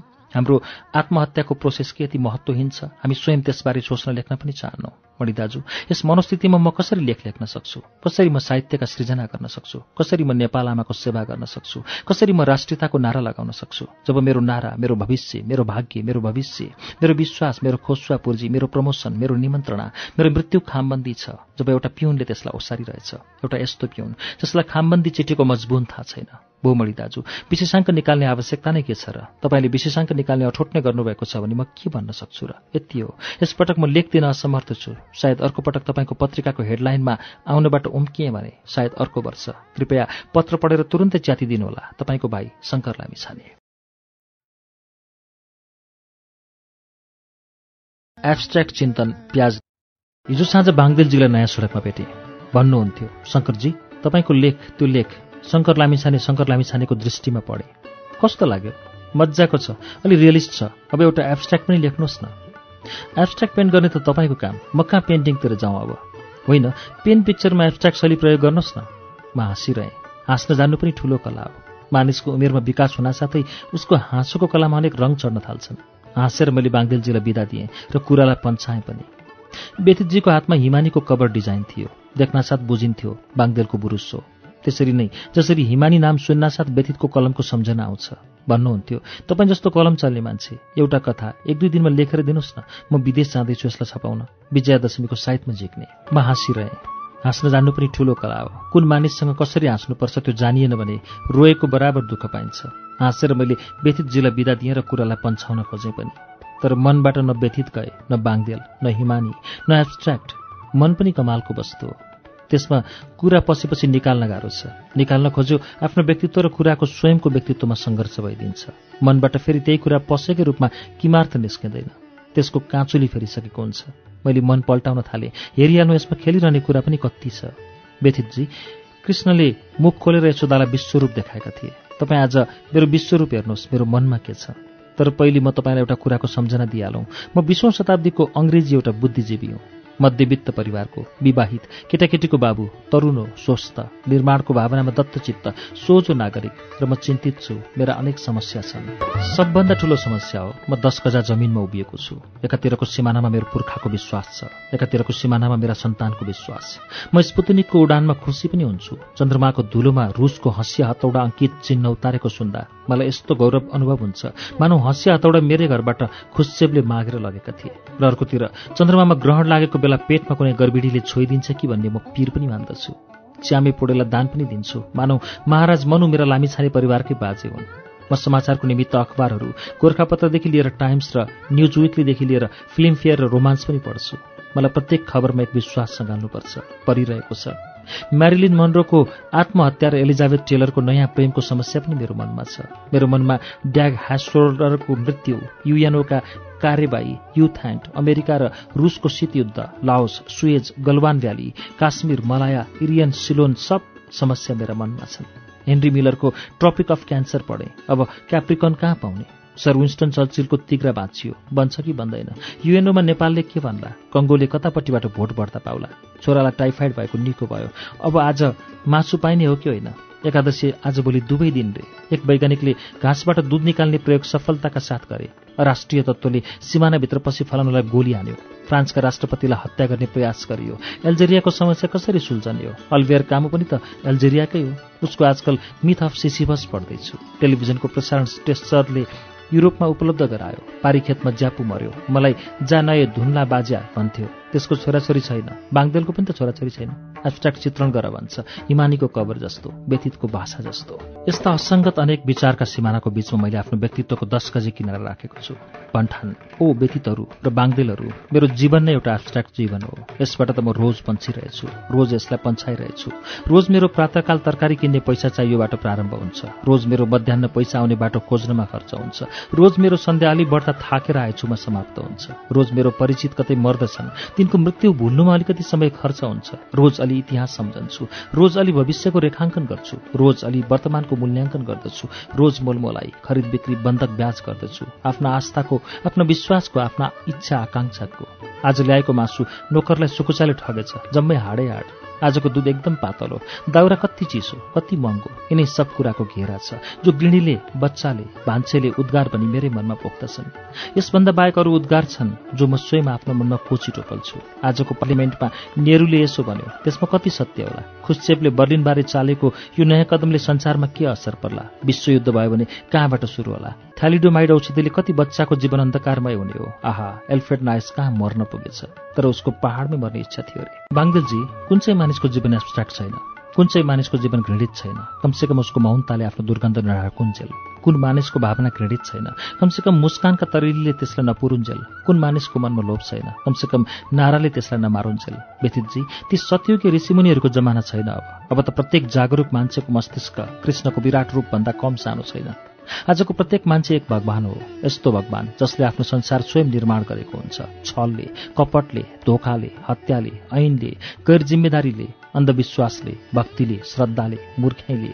आजको भगवान फेरि धर्ममा घेरिएको पनि त हुँदैन। उसले आफ्नो प्रतिद्वन्दी क्राइस्ट र मोहम्मद र बुद्धमा पनि पाउँछ। फेरि आज भगवान अलि डिप्लोमेट पनि छ पुरेत जस्तै। यसो गर्न त कसो नहोला पुरेतजी जिउ हुन्छ जस्तो। आजको भगवान फेरि अनिश्वरवादी पनि छ बुद्ध जस्तै। र आजको भगवानलाई मानिसले कन्ट्रोल गरेको छ बर्थ कन्ट्रोल जस्तै। भगवान चाहियो हाजिर छन्। भगवान चाहिएन गायब छन्। जति मात्रामा चाहियो उति मात्रामा आउँछन्। कविताको निम्ति चाहियो छन्दबद्ध भई हाजिर। स्तुतिको निम्ति चाहियो कोष भई हाजिर। चाकरीको निम्ति चाहियो इन्साइक्लोपेडिया भई हाजिर। गरिब पर्वर उर्दूमा। करुणा निधान संस्कृतमा। ख्वामित शुद्ध भानुभक्ति नेपालीमा। अँ भन्दै थिएँ। आजको मानिस स्वयं भगवान बनिसक्यो। उसमा ती सब गुण व्याप्त छन् जो एक ईश्वरमा हुनुपर्दछ। सिर्फ एक गुण आजको मानिसले हराएको छ र त्यो हो मानिसको गुण। त्यो सच्चा मानिस जो सिर्फ छ र मरुन्जेल मानिस नै भइरहन्छ र मानिसकै रूपमा मर्दछ। आजको मनुष्यत्व हराएको तर भगवान हुन नसकेको। मानिस खोज्नुपर्ने भए व्यथितजी र बाङ्दिलजी म कहाँ आउनुहोस् मभन्दा ठूलो अमानवीयहरू मानिस तपाईँ पाउन सक्नुहुने छैन र अरूले स्वयं म जस्तो आफ्नै परिचय पनि दिने छैन। के गरौँ व्यथितजी? मैले आक्रोशमा आफूलाई अमानवीय भनेको होइन। म हेर्नुहोस् न हिन्दू सबै भगवान त मन पराउँछु नै। मलाई कसो कसो क्राइस्ट र बुद्ध र मुहम्मद पनि मन पर्छन्। मलाई ईश्वर उपरान्त सबै प्रकारका आस्था र उसका नाममा भएका सबै प्रकारका अत्याचारहरू पनि मनपर्छन् ती नभएका भए ती क्रुसेडहरू ती शङ्कराचार्यका हमलाहरू ती अशोकका धर्मदूतका विजय यात्राहरू ती तुगलक शाहका जिहादहरू ती सब नभएका भए आज व्यथितहरू हिन्दू बाङ्देलहरू इसाई तथा शङ्करहरू मुसलमान कसरी हुन्थे? म सबैमा विश्वास गर्ने र कुनैमा पनि श्रद्धा नगर्ने हुन सक्थेँ। कसरी म अहम ब्रह्मास्मि भन्न सक्थेँ? अब मलाई आफू उप विश्वास नभई अरू उप हुँदो। म त आजको मान्छे होइन व्यथितजी। म एक हजार वर्षपछि जन्मिने पृथ्वीको मान्छे हुँ। मेरो जन्मकालमा राष्ट्रका परिधिहरू विश्वासका परिधिहरू धर्मका परिधिहरू राजनीतिका परिधिहरू केही पनि हुने छैन आज जो म दस गजामा उभिएको छु त्यसको कारण अब भनिदिउँ तपाईँहरूलाई म चाहन्न तपाईँहरूको घेरामा आफूलाई पार्न म चाहन्न तपाईँको रङमा डुबुल्की लगाउँ। सीमामा नागेपछि त मैले नागरिकता लिनै पर्छ। यसकारण म नागरिक म स्वयं एक सिमाना हुँ जसले वर्तमानलाई भूतबाट र भूतलाई भविष्यबाट अलग गरेको छ। तपाईँले सिमाना देखेकै होला। दस गजाको बीचमा एक पञ्चमुखी लिङ्ग अज्ञात रूपबाट निर्मित जसलाई कसैले बेलपत्र चढाउँदैन तर जसलाई सार्न पर्यो अथवा हटाउनु पर्यो भने बलि चढाउनु पर्दछ अनेकका रगतले। यो सिमानाको रङ के हो बाङ्देलजी? सेतो जस्तो लट्टामा हुन्छ। खैरो जस्तो माटोमा हुन्छ। रातो जस्तो मानचित्रमा हुन्छ। बग्ने जस्तो नदीनालामा हुन्छ। अदृश्य जस्तो हिमालका टाकुरामा हुन्छ। यी सिमाना रेखा तपाईँलाई तपाईँ बाङ्देलजी यदि एब्स्ट्राक्ट चित्रण गर्न सक्नुहुन्छ भने म पनि मेरो मनलाई एब्स्ट्राक्ट चित्रण गर्न सक्दछु। तपाईँले त्यो नगरुन्जेल र नसकुन्जेल म पनि अव्यक्त रहन चाहन्छु। मैले आफूलाई आज एब्स्ट्राक्ट चित्रण गरेँ भने त्यसलाई बुझ्न फेरि पेरिसको वातावरणमा सास फेर्नुपर्नेछ मेरो एब्स्ट्राक्ट चित्रण पढ्नलाई तपाईँलाई फेरि एक दिन घोक्नुपर्नेछ। यसकारण म हाँसिदिन्छु। यसकारण मेरो हाँसोमा विभिन्नता छ। एउटा व्यथितलाई अर्को बाङ्देललाई अर्को मेरो छोरालाई। यसकारण म बाँचिरहेछु किनभने मैले आजसम्म अरूलाई र आफूलाई नै रियलिस्ट चित्रण गरेको छु। रियलिस्ट चित्रणमा त म एउटा प्याज हुँ रङ्गहीन पत्रै पत्रले मोडिएको अनन्त दुर्गन्ध र गहिराई। आजको कृष्णको विराट रूप पनि त प्याज हो। त्यसकारण बाङ्गेलजी प्याजको एउटा स्टिल लाइफ लेख्नुहोस्। त्यसकारण व्यथितजी प्याजमाथि एउटा महाकाव्य लेख्नुहोस्। तपाईँहरूको त्यो कृति ऐतिहासिक हुनेछ। कारण त्यसमा आजको व्यक्तित्व र आजको समाजको दुर्गन्ध अनन्त पत्रमा अनन्त कालसम्म सञ्चित रहनेछ। त्यही चित्र। र त्यही काव्यमा म पनि अनन्त कालसम्म बाँचिरहनेछु। त्यो चित्र र त्यो कविता आज लेखिएन भने भोलि हिमानीको मृत्युमा बाङदेलको मृत्युमा शङ्करको मृत्युमा भविष्यले आजको इतिहास गुमाउनेछ। एक हजार वर्षपछि सिमाना हराए जस्तै। Pendulum oscillation pendulum. यो कथा होइन किनभने न यसको आरम्भ छ न त्यसको अन्त्य न यसमा कुनै नाटकीय तत्त्व छ न यसमा कसैको चित्रण न यसमा कुनै समस्या छ न समाधान न यसका पात्रहरूको सुखान्त मिलन छ न दुखान्त मृत्यु नै साँच्चै भन्नु भने यसका दुई पात्र म र ऊ बीच आजसम्म कुनै वार्ता कुनै परिचय भनौँ कुनै मिलन समेत भएको छैन। अझ साँच्चै भनौँ भने एक विशेष ठाउँमा कहिलेकाहीँ एक्कासी उसलाई देख्ने बाहेक म उसको अरू कुनै अन्य पक्ष जान्दा पनि जान्दिनँ। आयु सिद्धिसकेको उसको अनुहार छ। यति विघ्न चौरी परेको छ। अब बढी चौरी पर्ने सम्भावना छैन। मानव कालले थकित भएर अब उसको अनुहार कोतर्न छाडिसक्यो। कमसेकम मैले उसको उमेरको अड्कल लाउने प्रयास जबरजस्ती बन्द गरिदिएँ। गेरुवा लुगा लाएर दुवै हातमा दुई लट्ठी समातेर डल्ला डल्ला जस्तो भई उपसर बाहिर थाहा छैन कहाँबाट आइपुग्दछ। आइपुग्यो पहिलो पटक। मैले जान्ने गरी। पारदर्शी दृष्टिले उसलाई एकपटक हेरिदिएँ अनि फेरि आफ्नै संसारमा डुबुल्किएँ। आफू मात्र डुबुल्की मार्न हाम्रो आफ्नै संसार पर्याप्त छ। साथी मित्र परिवार पैसा परिस्थिति पोजिसन केही चाहिँदैन। हाम्रो आफ्नै भूत हुन्छ आफ्नै वर्तमान आफ्नै भविष्य। यी तीन त्रिलोक बीच अनेक लोक हुन्छन्। त्यहाँनिर यस्तो भइदिएको भए मैले त्यसो नगरेको भए उसले त्यसो नभनेको भए मैले त्यसको सट्टा उसको कुरा सुनेको भए हामी कति पनि शक्तिशाली छौँ। भएका कुरा जस्ताको त्यस्तै मनमा उमार्न सक्दछौँ। हुन सक्ने सम्भावना कल्पना गर्न सक्दछौँ। नहुन सकेका कल्पना प्राणबान बनाउन सक्दछौँ। वास्तविकता र परिकल्पना मानौ हाम्रा मस्तिष्कमा एकपछि अर्को एक नाश आई गइरहने ज्वार र भाटा हुन् र विचारको हाम्रो सागरको तट खै छैन। मलाई ज्ञान छैन कति समयको अवधिपछि दोस्रो बाजी मैले सडकतिर हेर्दा ऊ त्यहीँ थियो। अर्धमुदित नयनले सोकेस हेर्दै झुम्दै पटपटाइरहेको। त्यो आएको थियो हिजो। वा भर्खरै अहिले वा सय वर्ष अघि वा दस वर्षपछि को जानोस्? आफ्नो आत्मामा लिन भएर परम उत्कर्षमा पुगेर फर्केको सृजन गर्ने व्यथामा रुमलिएको मैले म कसरी जानु? म हाँसिदिएँ मनमा नै मूर्ति देख्नसाथ मानिस त्यसलाई देवका खान्दछन् र थालिहाल्छन् मनका पीर मर्का पोख्न चाहे मूर्तिको मूल्य जेसुकै होस्। कुरा आयो गयो समाप्त भयो। दृष्टिबाट ऊ पन्छियो। मैले उसलाई बिर्सिदिएँ। सम्झने खालको कुरा नै के छ र यसमा? व्यापार मध्यम छ यसकारण उत्साह पनि यसकारण जाँगर पनि आफ्नो काम छैन यसकारण बस्यो अरूको काम हेरिराख्यो। तिनको प्रतिक्रिया हुँदो रहेछ मनमा। आफू व्यस्त र मस्त भए तिनले पटक्क नसुने आफू अस्त भए तिनको उन्नतिले घोष्ने अवनतिले साहस दिने। कस्तो घिनलाग्दो भावना पनि आइहाल्दो रहेछ मनमा। म त कमसेकम यस्तो थिएन। हो परिस्थितिले यस्तो बनाउँदो रहेछ। के परिस्थिति? के परिवर्तन ह? ट्वाक ट्वाक ट्वाक ट्वाक। एउटा गेरुवा मूर्ति एउटा काँसको मूर्ति समक्ष आइपुग्छ। सन्यास मानिसले किन अप्नाउँछ? उसले किन अप्नायो होला? कुन उमेरमा अप्नायो होला? स्वास्नी पोइल गई भनेर जग्गा साउली निखन्यो भनेर भूकम्पमा सबै सुहाबो भनेर अन्तरङ्ग मित्रले धोका दियो भनेर चौरासी लाख जुनीको चक्रबाट उम्कौँ भनेर संसारमा लोभ मोह क्रोध पाप परिवर्तनको जन्जाल भनेर भनेर अपरिवर्तनीय अपरिमेय अगम्य अबोधसँग त्यस्तै भनेर आत्मसात गर्न कैयन प्रश्न छन्। हुन सक्छन् कैयन सम्भावना छन्। उसको पनि तीन त्रिलोक छ र त्यसमा कापहरूमा कैयन लोकहरू। एउटा कुरा चाहिँ सत्य हो उसले संसारप्रति निर्लिप्त भाव अप्नाउन खोजेको छ तर पूर्ण निर्लिप्तता त भगवानको मूर्ति समक्ष मौन उजुरी पनि त गर्नु हुँदैन। कृपया टुरिस्ट डिपार्टमेन्टको बाटो। भावनाको माइक्रोस्कोपमा उसलाई जाँचिरहेको मेरो दृष्टि उचालेर म हेर्छु। स्वाभाविक दृष्टिमा वैयक्तिक फोकसमा आउन समय लाग्छ। म हेर्छु एउटा आकृतिपट्टि। एउटी ढम्मरडुस अमेरिकन नारी छ अन्दाजी पचासी वर्षकी। अन्दाजन मिस म बताइदिन्छु। उसलाई यही सडकको अन्त्यमा पुरानो शाही दरबार अगाडि कुन दुस्साहसको भरमा यिनीहरू यस उमेरमा संसारमा यात्रा गर्दा हुन्? यस उमेरमा संसार हेरेर फाइदा न के? बाटैमा मर्ने हुन् वा घर पुग्न साथ? वा घर पुगेर स्लाइड हेर्लान्? थाहा छ तिमीलाई म काठमाडौँ पुगेँ। ओ तिमी कल्पना गर्न सक्दैनौ क्या अनौठो देश कस्तो फोहोर र हिलो र भिख माग्ने बच्चाहरूको बीच क्या अनौठा पगोडा खडा छन् त्यहाँ? अनि जान्दछौ ती पगोडाको थाममा छाना अडाउने थाममा सेक्सका कार्भिङ छन्। र मानिस त्यसलाई पुज्दछ र अक्षता छर्कन्छ। र हामी दङ्ग पर्छौँ। And their main god is a symbol of creation. You know, those phallic religion. But they won't let us enter the temple. How funny. Could you imagine? Anybody of my age must have seen at least one real phallus in her life, and they won't let me see a stone one. Truck, truck, truck, truck. ऊ अर्को सोकेसतिर बढ्दछ म मिनुसेटाबाट नयाँ सडक आइपुग्दछु र प्रयास गर्दछु सुन्ने एक मौन अर्थनाथ जोगिनी नर्तकीलाई एक काँचको अक्सिडाइज मूर्ति समक्ष ऊ ग्रान्डफादर वाचको पेन्डुलम चाहिँ झुमिरहेछ। उसका आँखा नभनौ म स्वयं लज्जित हुन्छु। एक नर्तकीलाई यत्रो भगवान्लाई अर्पित गर्न सकिने श्रद्धा कस्तो शक्तिको कस्तो दुरुपयोग। जीवन यस्तै हो श्रद्धाको केही मापदण्ड हुँदैन सायद। श्रद्धा सब प्रकारले गर्न सकिन्छ। बुझेर नबुझेर डरले मायाले त्रासले आशले। अङ्ग्रेजी भाषा बडा मिठो भाषा हो। धेरै वर्ष अघि एउटा उक्ति सुनेको थिएँ view from the ivory tower. मैले कल्पना गरेँ हस्तिहाटको एक तरहरा नेपाली इन्ट्रिकेट डिजाइनले परिपूर्ण एक एब्जर्भेटरी अनि निर्बुद्धि म। कसो कसो विचार आयो मलाई। यो आइभरी टावर सडक बीच निर्माण गर्दा कति हात्ती ढले होलान् कति औँलाले यसमा बुट्टा काटे होलान् टावरको खुड्किलो उक्ली पाइतालाले कति माटो भुले होलान्। आज म बुझ्दछु त्यस महान भाषाको त्यो महान उक्ति। ट्वाक ट्वाक ट्वाक ट्वाक। आइभरी टावरबाट गणेश हिमाल पारीको स्वच्छ निलो बितान पनि देखिन्छ। आइभरी टावरबाट हात्तीवन पारी तराईको सुनौलो माटो र बालीमा लुटपुटेको घाम पनि देखिन्छ। सिर्फ दृष्टि चाहिन्छ अथवा सिर्फ दृष्टि चाहिन्न। को जानोस्? ट्वाक ट्वाक ट्वाक ट्वाक। के दृष्टि? सन्यासमा के देवता? के नर्तकी? डिट्याचमेन्टका लागि वा एट्याचमेन्टकै लागि पनि? कालले थकित भएर कोतर्न छोडेको अनुहार के? पचासी वर्षको उमेर के वा नवयुवक नै के? दुई हातमा लट्ठी समातेर ग्रान्डफादर वाच पेन्डुलम बन्नु र दुई विभिन्न विचारधारामा अस्सिलेट गर्नुमा अङ्ग्रेजी भाषा राम्रो निकै ग्राह्य छ निकै बेस्या छ कारण अरू भाषाको शब्द पेट बोक्न जन्माउन उल्लाज मान्दिन।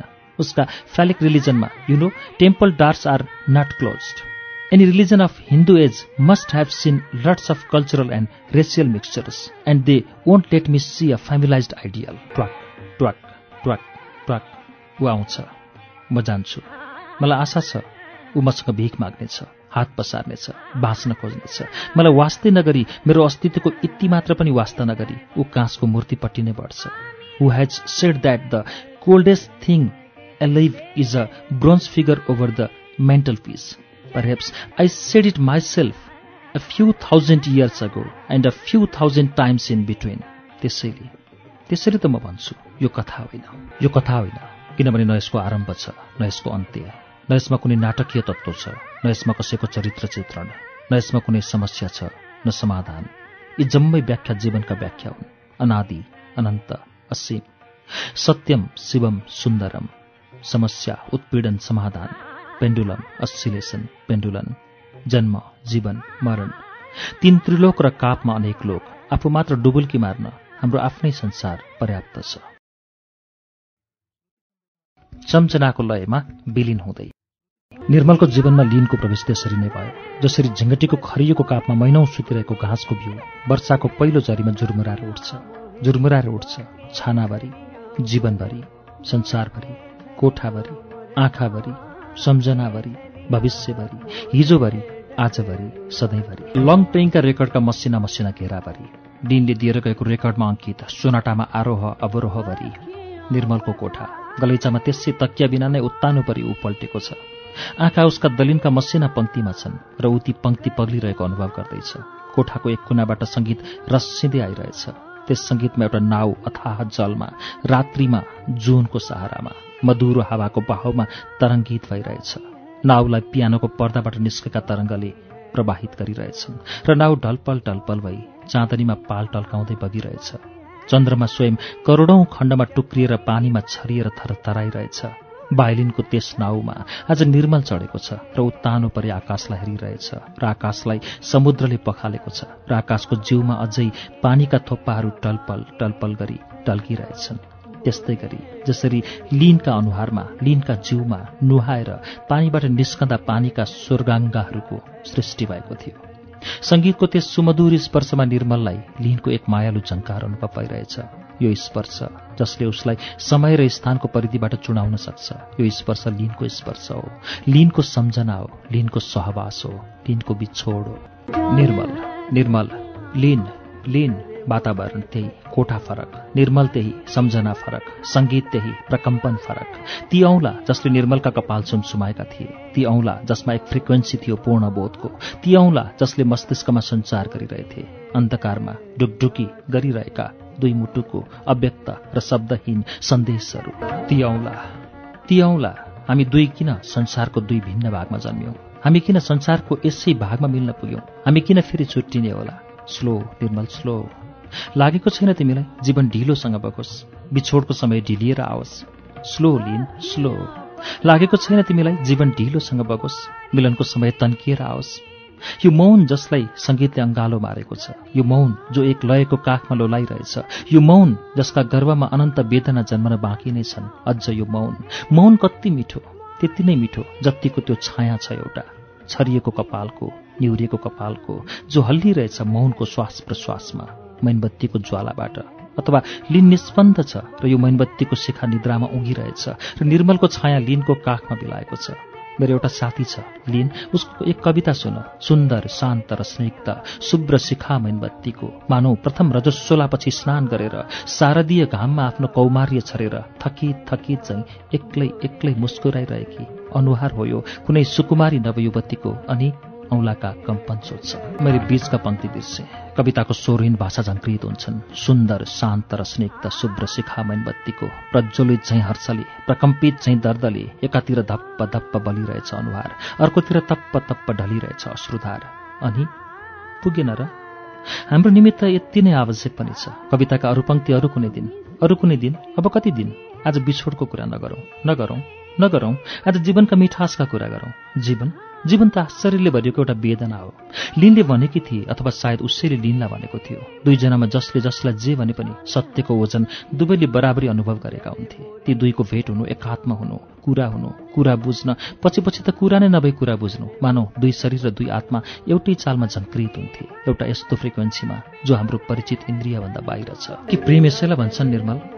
मलाई थाहा छैन म जान्दिनँ। जीवनमा मैले कैयौँ पटक प्रेम गरेको छु तर प्रत्येक पटकको तीव्रतामा फरक छ लिन। सायद प्रेम प्रतिक्रिया हो सायद प्रेम रेसिप्रकल हो अथवा प्रेम केही होइन हाम्रो मानसिक स्तरको एउटा यस्तो ट्रान्समिसन हो जो आफ्नो स्वरको थात खोज्दछ। Slow Nirmal slow. लिन कलेजमा पढ्दा एउटी मेरी सहपाठिनी थिइन्। पहिलो प्रेम मेरो तिनीसँग भयो। किताब बोकेको तिनको रूपले मलाई कसरी एक असीम सुख दिन्थ्यो? तिनको वरिपरिको हावामा एक मिठो मिठो गन्ध तिनको वरिपरि बेरिएको कौमार्यमा एक अनौठो अनौठो तृप्ति। आज म बुझ्दैछु त्यो प्रेम थिएन लिन। त्यो म भित्र लुकेको कैयन कैयन कविताका पङ्क्तिले सौन्दर्यको माध्यमबाट खोजेको अभिव्यक्ति मात्र थियो। म भित्रका बायरन सेली जोन डन र ब्राउनिङहरूले मेरो मनको गर्भबाट बाहिर आउने साधन अप्नाउन गरेको प्रयास मात्र थियो। त्यो प्रेम थिएन। औँलाका चालमा रौमा बाटो अल्मलीको भनको आउँछ। लिन मानव स्वयंको त्यस्तै अनुभूतिलाई औँलाको प्रत्येकबाट जन्म दिने प्रयास गर्दैछ। ऊ स्वयं पनि त त्यो समय र अनुभवको सङ्घार नागिसकी मानौ अब औँलाका इसारा मात्र बाँकी छन् जो प्रकम्पनको मुद्रामा त्यस युगमा पुग्न सक्दछन्। त्यसपछि सम्बन्ध भयो मेरो अनेकसँग। ती सम्बन्धहरूलाई यौनका नदेखिने काँचो धागोले डोराएको थियो। ती सम्बन्धहरूमा मैले आफ्ना बाबु बराजुको मानव इतिहासको सम्पूर्ण जुग गुजारिदिएँ। प्रत्येक पल्टको चरमानन्दमा मेरो माध्यमबाट बितिसकेको युग छिनभरिको निमित्त बाँच्न पुग्यो। ती कैयन कैयन जुनी सायद। यिनै यौन सम्बन्धका माध्यमबाट मैले भोग्नु पर्ने नै थियो। सायद ती नभएका भए। म वर्तमानमा पुग्न सक्दिनँ थिएँ होला। सायद वर्तमानमा नपुगेको भए मेरो तिमीसँग भेट हुने थिएन होला। सायद म अन्य साधारण मानिस चाहिँ असङ्ख्य जुनीकै घेरामा अल्मलिएर व्यतीतका चक्करबाट उम्किन नसकेर समाप्त हुन्थ्यो होला लिमी। लिन तिमी मौन छेउ लिनलाई विश्वहरूको बीचको रिक्त अन्तरिक्ष पार्थ गर्न देऊ। तिमीले बोलेका शब्दहरू र तिमीले नबोलेका भावनाहरू यिनै हुन् ती दुई पखेटा जसको भरमा ऊ तिमी कहाँ आइपुग्छे। Slow Nepal slow. उसलाई अन्य साधारण केटी चाहिँ तिमीसँग उडान भर्न काँचो धागोको सहारा लिन खोज्ने नतोल्याऊ। लिन मलाई लाग्छ कहिलेकाहीँ मेरो कुनै जन्ममा मैले यसरी आफूलाई अभिव्यक्त गरेको छु। कैयौँ बाटोबाट आएको हुँ कैयौँ गीत गाएको हुँ पर्वत बनी उभिएको हुँ नदी नाला बनी आएको मै हुँ। हुरी बनी दगुरिन्छु म छाया बनी बिसाएको हुँ यौवन बनी ढल्कन्छु म माया बनी आएको हुँ। अनि निस्तब्धता निकै उत्सुक छ। निस्तब्धताका कविताका पङ्क्तिहरू मलिरहेछन् बिहानी पख युक्लिप्टसको हुस्सु रुमलिए चाहिँ स्वरको सूर्य नउदाएसम्म मौनताको हुस्सु कसले फाड्ने स्लो लिन स्लो। निर्ममलाई तिम्रो काखमा बिसाउन पाउन देऊ। चौरासी लाख बाटोबाट निर्मल आएको छ। चौरासी लाख गीत निर्मलले गाएको छ। चौरासी लाख पर्वत पनि निर्मल ढेसिएको छ। चौरासी लाख नदीनाला पनि निर्मल हुत्तिएको छ। चौरासी लाख हुरी बनी निर्मल दगुरेको छ। चौरासी लाख छाया बनी निर्मल ढल्केको छ। आहा आज मात्र त हो नि। ऊ एक मायामा पुग्न सकेको छ बल्ल बल्ल बल्ल बल्ल। झर्राममा slow slow slow slow slow slow. लिनको छाया छ नि। त्यो भित्तामा परिरहेको त्यही छाया जसलाई मैनबत्तीले स्पन्दित गरिरहेछ। त्यो छाया अलि झुक्त छ। अझै अलि निहुरिन्छ। र अझै अलि झुक्त छ। र तल काखमा आँखा चिम्लेको निर्मलको परेलामा ओठले मायालु स्पर्श गर्दछन्। झ्वाम्म चट्याङ। विस्फोट। भित्तामा टाँगिएको पेन्टिङले निहुरिँदै गएको लिनको छायाबाट मुक्ति पाउँछ। त्यस चित्रमा माछा पक्रिन बनेको एक बाँध छ देब्रेपट्टि। कालो डढेको काठको बाँध जसले पानीबाट निश्चल पारेको छ। दायाँपट्टि चित्रमा धपक्क बलिरहेको आगोको मुस्ला चाहिँ होइन होइन। करोडौँ करोडौँ सुन्तला आकाशको टोकरीबाट घोप्टिए चाहिँ छ। र खेत छन् हरिया हुँदा हुँदा गहिरी र निला भएका। पानी छेक्ने काठका तीन छेकबार छन्। देब्रेपट्टि जसले बताउँछ अहिले खेतमा बाढी छैन। यो सुन्तला छ अनि जो मैनबत्तीको शिखामा धपक्क बलिरहेछ यो एक उन्मुक्त उडान हो। यो उन्मुक्त उडान अथवा आन्दोलित उडान होइन निर्मलजी होसमा आऊ यो के तिमी तिम्रो लिनको सुन्तले कपाल होइन र? जो विस्फोट बनी तिम्रो अनुहारमा ओहिरिएको छ? दाहिने आँखामा तिमी जो अग्नि देख्छौ नि त्यो स्पर्शको ज्वाला हो। उसको सुन्तले रौँसँग। बायाँ आँखामा तिमी जो कालो छेकबार देख्छौ नि त्यो स्पर्श पर्खिरहेको युगानुयुगको अन्धकारको पत्र हो। त्यहाँ ज्योति अझै पुग्न बाँकी छ। यो पेन्टिङ होइन कसैको। यो तिम्रो लिनको चुम्बनको स्पर्श हो। झ्वाम्म चट्र्याम्म। बिउज निर्मल बिउज बिउज quick Nirmal quick quick Lin. केही बोल। हुन्छ। यो रात। हामी सँगै छौँ। के छ? तिमीबाट अङ्कमालमा बेरिएको मैले नै हो? अङ्कमालमा बेरेको तिमीलाई। पत्र पत्रबाट उम्री आउँछु म तिम्रै बाउ पासमा तिम्रा श्वास प्रश्वास छर्छन् मेरा। वरिपरि शीत चाहिँ तिम्रा स्पन्दन लोलाइदिन्छन् मेरा कानका जालीहरू। लाग्छ मलाई म चुर्लुममा भइसकेँ सर्वाङ्गै स्वर्गिक। ओहो कस्तो स्वर्गिक? चुर्लुममा झ्वाम्म विस्फोट? यो दिब्रे आँखामा भएको अर्को ज्योतिको विस्फोट हो। के भ्याङ्गोकको सनफ्लावरले पुनर्जन्म लिएन? होइन होइन। हो हो। यो सनफ्लावर होइन यो लिनको दोस्रो चुम्बन हो। झ्वाम्म झ्वाम्म झ्वाम्म के तिमी चढेको नाउलाई लहरले आत्मसात गर्यो? कि आँधी आयो? के हुरी आयो? के भयो? एभिलान्से उगार निर्मल आँखा आँखा आँखा आँखा। दलित थातमा बस्न पुगिसके। मानौ दलिन सिपाहीका कतार नै हुन्। एक नास एक पङ्क्तिमा सोझा। निर्मल रेकर्ड समाप्त भयो। अब सम्झनाको लयमा विलिन्न हो साहित्य आलु बखडा कि आऊ क्षतिज तमिलो छ। दक्षिण फर्केको बरन्डामा बसेर म आलु बखडाको रुख हेरिरहेको छु। हावा छैन। फूल लटरम्म फुलेको त्यो रुखमा पात अझै आइसकेको छैन। सेतो एक दुई फूलका पत्र नयास झर्दछन् रुखमुनि सेताम्बे भइसकेको छ। एक दुई भँवरा झुम्बिरहेछन्। यो हो बाहिरी अवस्था। आउँ परेको छ। पेट कटकट काटिरहेछ। छिनछिनमा दौडिनुपर्छ। खानामा मुख बारेको छु। घरबाट बाहिर ननिस्कने गरी म आज आराम लिन बसेको छु। यो हो शारीरिक कुरा। वैशाखमा समालोचना अङ्क निस्कँदैछ। रूपरेखाको मलाई लेख लेख्नु छ कसरी प्रारम्भ गरौँ? पत्र रूपमा निबन्ध रूपमा? कामुको अस्तित्ववादको आधारमा वा आ उत्तम भाइ के गरेको यो? मलाई किन सकसमा पारेको? जे म जान्दिनँ त्यसो पर लेख लेख भनिदिएर तिमीले माफ गर। तिमीमा आत्मीयता झल्कन्छ भन्छन्। तिमी भन्छु है। तिमीले के गरेको? लेखक हुँ म सायद। र यसै नाताले तिमी चाहन्छौ जे पनि मेरो कलमबाट उत्तिकै प्रभावोत्पादक रूपमा आइरहनेछ। सम्पादक भएको नाताले तिमीले बुझ्नु पर्दछ। लेखक चौबिसै घण्टा लेखक रहन सक्दैन र जसका अनेक अवतार हुन्छन् जस्तै म छु मलाई दोष दिइन्छ म ज्यादै आत्मवादी हुँदैछु रे। मलाई आफ्नै कुरा गर्न मन लाग्छ नाउँ कमाउनु मन लाग्छ अर्को देवकोटा बनु नेपाली साहित्यमा। तर अलि सुधार साथ उनको जस्तो प्रतिभा त होस् तर त्यो आर्थिक अस्थिरता चाहिँ होइन। म चाहन्छु उनकै जस्तै। जान देऊ उनीसँग आफूलाई दाँच्नु पनि एउटा ठूलो आत्मविडम्बना हो। भन्दै थिएँ लेखक लेखकभन्दा बढी मनुष्य हुन्छ र यो मनुष्य छ नि यो साह्रै अनौठो प्राणी हो। मैले आजसम्म केही बुझ्न सकिनँ।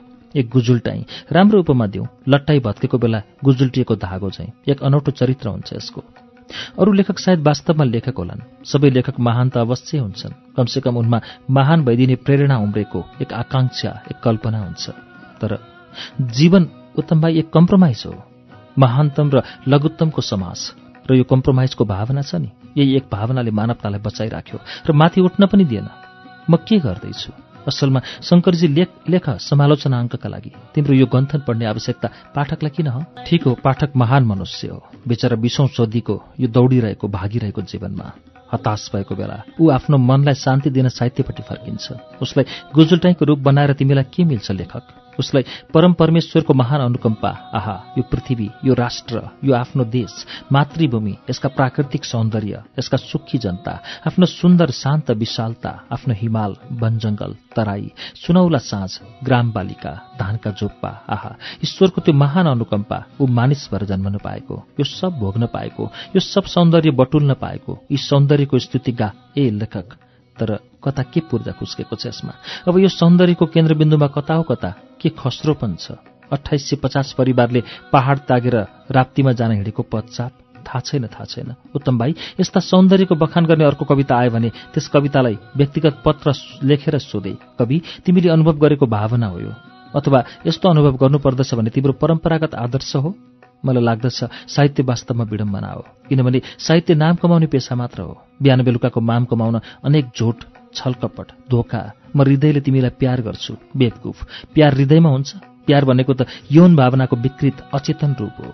म साहित्य सेवक यसो लेखिटो पल्छु मूर्ख। आन्तरिक भावना तेरो के? पूजनीय सराहनीय बन्ने होइन। आत्मश्लाघा अप्नाएर फुर्सदको बेला सरस्वतीको सेवा गर्ने व्यक्तिमा के सत्य प्रस्फुटित हुन्छ? आहा। यथार्थ साहित्यको आजकल बडा बोलवाला छ। जो पनि भन्छ साहित्यमा यथार्थवाद। मलाई बुझाइदियो उत्तम भाइ यो यथार्थ भन्ने आदर्श कति पुरानो घिसिपिटेको भावना हो। भावना होइन नारा हो। साहित्य यथार्थ हुनै सक्दैन। त्यसरी नै जसरी साहित्य आदर्श हुनै सक्दैन। यथार्थ। दूत लेखक यसरी आफूलाई र संसारलाई धोका नदिए एक निवेशभित्र जो मनमा जीवनभरिका अनेक भावना विचार कल्पना परिकल्पना इच्छा आकांक्षा आशा निराशाको सम्मिश्रण भएको बहुरूप उम्रिन्छ। के त्यसलाई कहिले यथार्थ ढङ्गबाट अवतरित गर्न सक्छ? यो लाइन लेख्दा लेख्दै मैले कामुको त्यो लाइन सम्झेँ। गम खाएर प्रश्न गरौँ कलामा यथार्थ सम्भव छ? एकमात्र यथार्थ कलाकार यदि ल भने ईश्वर छ। अरू यस यथार्थ निमित्त अवास्तविक छन्। अनि थाहा छैन किन हो। केनेडी सम्झे। अमेरिकन लाइब्रेरीको बोर्डमा टाँगेका फोटोहरू सम्झे। लाइफ म्यागजिनको केनेडी विशेषाङ्क सम्झे। श्रीमती केनेडीको घर हेरेर आएको भन्दै थियो तुलसी। त्यो सम्झे। देउजाले मृत्यु समारोहको वर्णन गरेको सम्झे। मार्टिन लुथर किङ आउँछ। हरिहरराज जोशी आउँछ।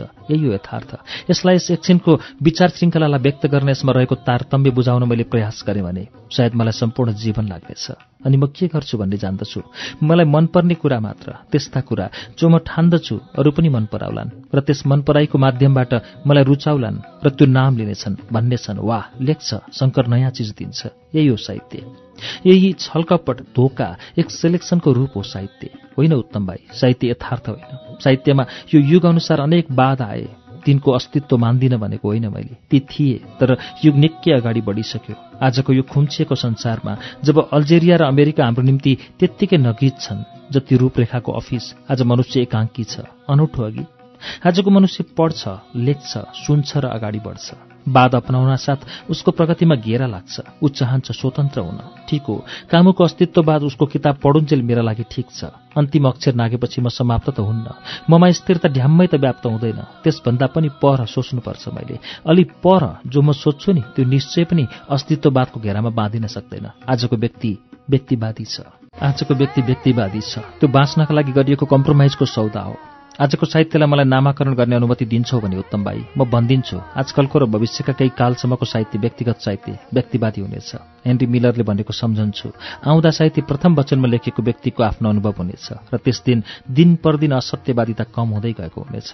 ठिक होइन त? प्रकृतिको वर्णन गर्ने खालका साहित्य वेदमा नै उत्कर्षमा पुगे। व्यक्तिको स्तुति रामायणमा आज तिनको के आवश्यकता? रियलिस्ट इम्प्रेसनिस्टिक एक्सप्रेसनिस्टिक सर्लियलिस्टिक तिनको के आवश्यकता? रियलिस्ट र अस्तित्ववादी। आहा यिनको पनि युग थियो। गयो अब। अब त व्यक्ति छ जो आफ्नो गुज्जुटाइमा निसासिएको छ र त्यही अन्यलमा ऊ आकुल भई आर्तनाद गर्छ। समूहको विरुद्ध एक व्यक्तिको आर्तनाद अर्को व्यक्तिसँग मिल्दैन किनभने खुम्सेको व्यक्तित्व व्यक्तित्वको कोडमा अन्तर हुन्छ र त्यो आर्तनादलाई कसरी हामी साम्यवादी वा फ्राइडवादी घेरामा राखी तौरन सक्छौं? व्यक्तिको जीवनमा वादहरूको सम्मिश्रण हुन्छ। उसलाई एउटै परिवेशमा हटाउने दुस्साहस को गर्न सक्छ अन्धाहरूले हात्ती छामेर गरेको वर्णन सम्झाउँछौ उत्तम। समालोचना भनेको कुरा साहित्य उपरको त्यही व्यङ्ग्य हो। अहिले मैले लेखिरहेको अनौठो यो मेरो कुरा ल्याऊ। साहित्यको कुन बादमा यसलाई राख्ने? यसमा निराशा छ निराशावादी। यसमा आशा छ आशावादी। यसमा आकाङ्क्षा छ नाम कमाउने। आकाङ्क्षावादी यसमा इच्छा छ मेरो। म अलि रमाइलोपन ल्याउँ हास्यवादी। यसमा मैले अस्तित्वको कुरा गरेँ अस्तित्ववादी। यसमा मैले जान देऊ। यसमा अनेक छ। तर पनि म पूर्ण रूपले उत्रन सकेको छैन। किनभने यसमा छानिएको विचार मात्र छन् र म छानिएको विचार मात्र होइन। यसमा मेरो अहमवाद झल्किएको छ। केही केही म घमण्डी होइन। छैन पनि। यसमा ती कैयन कुरा छुटेका छन् जो म छु। आज यदि तिमीले यही एक लेखको आधारमा या मेरा जुनसुकै वा सबै लेखको आधारमा मेरो विश्लेषण गर्न खोज्यौ भने कत्रो भाम्लो हुन जानेछ।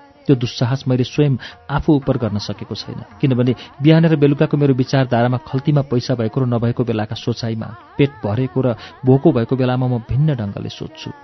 कालमार्क्स र कालिदास फ्राइड र अनातोले फ्रान्स कामु र गान्धी सबै म भित्र बाँचेका छन् र म ती भित्र र बाहिर दुवै छु। मौका परिस्थिति हेरी ती मलाई भन्दछन् देखिस्। र म हेरिदिन्छु र आँखा चिम्लिदिन्छु र एक गिलास पानी खान्छु र एक दिन अरू बाँचिदिन्छु। ती मसँगै बाँचिरहन्छन् र ती म होइनन् र म तिनको घेरामा उभिएको पनि छैन। अब ताना शर्मा वा जगदीश शमशेर वा कसैले पनि मेरो स्वास्नीले नै पनि जो अगाडि बसेको छ र लुगामा स्त्री लगाइरहेको छ उसको हिसाबले मेरो व्यक्तित्वसँग निकै नजिक छ। उसले पनि कसैले पनि कसरी भन्न सक्छ अहिले मलाई के बातले देखिएन। भन्दैछ मनमा नै अहिले सोच्दैछु लेख लामो त भएन। जीवन त्यसै त अगम्य छ लेबिल त मानिसले जहिले पनि उप्काउने प्रयास गर्छ। आहा एक परमेश्वरसँग तादात्म्य गर्न समष्टिमा समावेश गर्न रे। त फेरि एक लेखकको औपचारिक प्रदर्शनलाई समालोचकले किन लेबिल लाउने हो?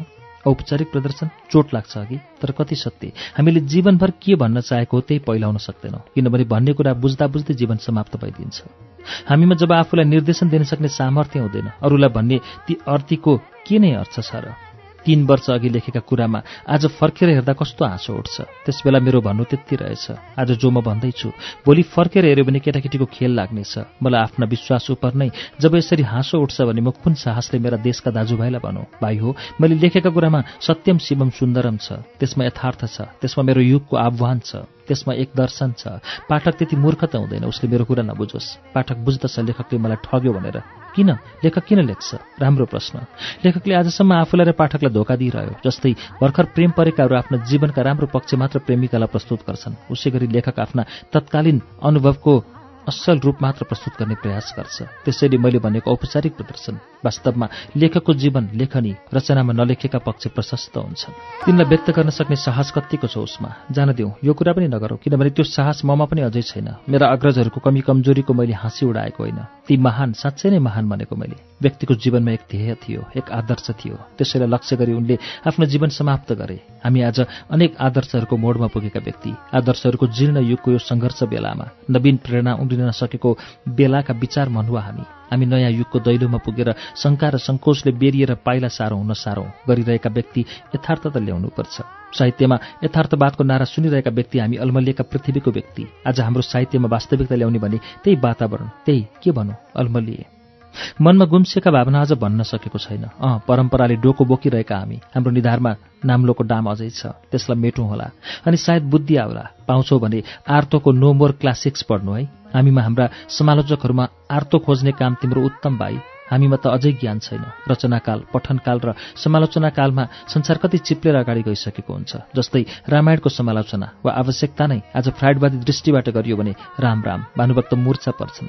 यो जो अन्तर छ टाइम र स्पेसको फोर्थ र फिफ्थ डाइमेन्सनको सम्झना आइरहेछ तिलविक्रम नेवाङको तेस्रो मात्र आयामको त्यो पनि सायद महत्त्वपूर्ण छ सायद त्यसको पनि विचार राख्नुपर्छ। मेरो धेरै पटक सायद शब्द प्रयोग गर्ने बानी छ। यो मेरो अनिश्चितताको बोधक हो। निश्चित भए सायद पछि म स्थिर हुन्छु भन्ने मलाई डर लाग्छ। हामी पाइताला हौ फगत पाइताला। त्यसैले हामी गोरेटोको आत्मा। हाम्रा असङ्ख्य पाइताला नसरुन् त। गोरेटोलाई दुई किनारका घाँसले स्वाट्टै निलिदिन्छन्। प्रकृतिको प्रतीक घाँस त पाइतालाको प्रतीक गोरेटो। प्रथम पाइताला जसले झाङ फाँडे होला। उकालो उक्ले होला देउरालीमा सुस्ताए होला एक तान छेडे होला निश्चय पनि त्यो प्रथम पाइताला ईश्वरको हो। एक निर्माणरत अनुसन्धान प्रेरित अग्रज। समूहको भेडा दशानबाट अलग्गिने एक वानर मनुष्यको अग्रज हो। मनुष्यको भेडा दछानबाट अलग्गिने चाहिँ पख अहिले भन्छु। त्यही भन्न त यत्रो सुरसार गरेको। अलि भूमिका कसौँ र कथन प्रष्ट पारौँ होला। धेरै अघि केटाकेटीमा एउटा खप्पर देखेको थिएँ काशीमा। पलङको सिरानमा एक खोपा थियो। कपडाले छोपिराखेको। राति निद्रा लागेन उत्सुकतावश मामाको कोठाको मालताल निरीक्षण गर्न थाले। पर्दा झिकेको एक खप्परको मौन पर्पेचुअल हाँसो पर्छ सामु। जस्किन भन्न सक्दिनँ तर पनि डराइन। मरेपछिको रूप त्यही हो भने सबै मर्छन् म पनि मर्छु। किन डराउने अघि? थाहा छैन यो विचार अहिलेको हो कि उहिलेको बेलाको हो। जे मलाई आकर्षित गर्ने चिल्लो सेतो हाड त्यो बङ्गारा आँखा हुने ठाउँका खाडल र निधारमा कोरिएको रातो र निलो किरमिरे धर्काले ललाटको एक छेउबाट अर्को छेउसम्म मानौ हात कामेर कसैले बाङ्गो धरको दुई पटक तानिदियो निलो र रातो डटपेनले। पछि थाहा पाएँ त्यो छैठीको दिन भावीले हाम्रो निधारमा हामी सबैको अर्को भाग्य रेखा त्यही हो। पानी हिलो किरा स्याल गिद्धका पन्जाबाट उम्कन सक्ने त्यो नमेटिने रेखा हाडमा नै कोरिएको हुँदो रहेछ। आज अनायास गोरेटोको खोजीमा सम्झदा गोरेटो सम्झे। नागबेली परेको गाईले हिँड्ने बाटो अनि सम्झे आकाशबाट देखिने साना खोलानालाको रूप अनि सम्झे देशहरूका बीचको लाल सिमाना रेखा विजय मल्लको छोरीलाई मानचित्र पढाउँदा अनि कसो कसो त्यो खप्पर सम्झन पुगे। अठार बिस वर्ष अघिको त्यो घटना किन सम्झियो?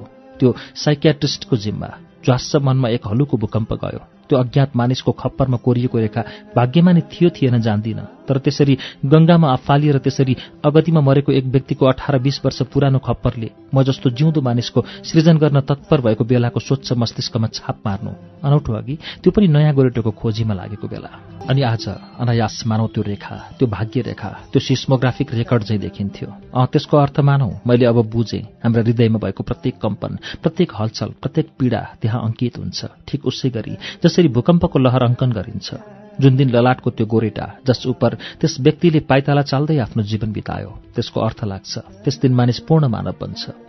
राष्ट्रको व्यक्तिको समाजको उच निच घटना दुर्घटना सुख दुःख ती कम्पनमै एक अज्ञात अनाम नागरिकले बटुलेको रेखामै निहित छन्। त्यही छ सच्चा इतिहास लेखिएको एक निर्लिप्त इतिहासकारद्वारा त्यही छ आलोचना समालोचना प्रत्यालोचना गरिएको एउटा बाधहीन दृष्टिले। म त्यो पढ्न सक्दिनँ। तर त्यसमा भएको खाका रूप एक भावना म बुझ्दछु।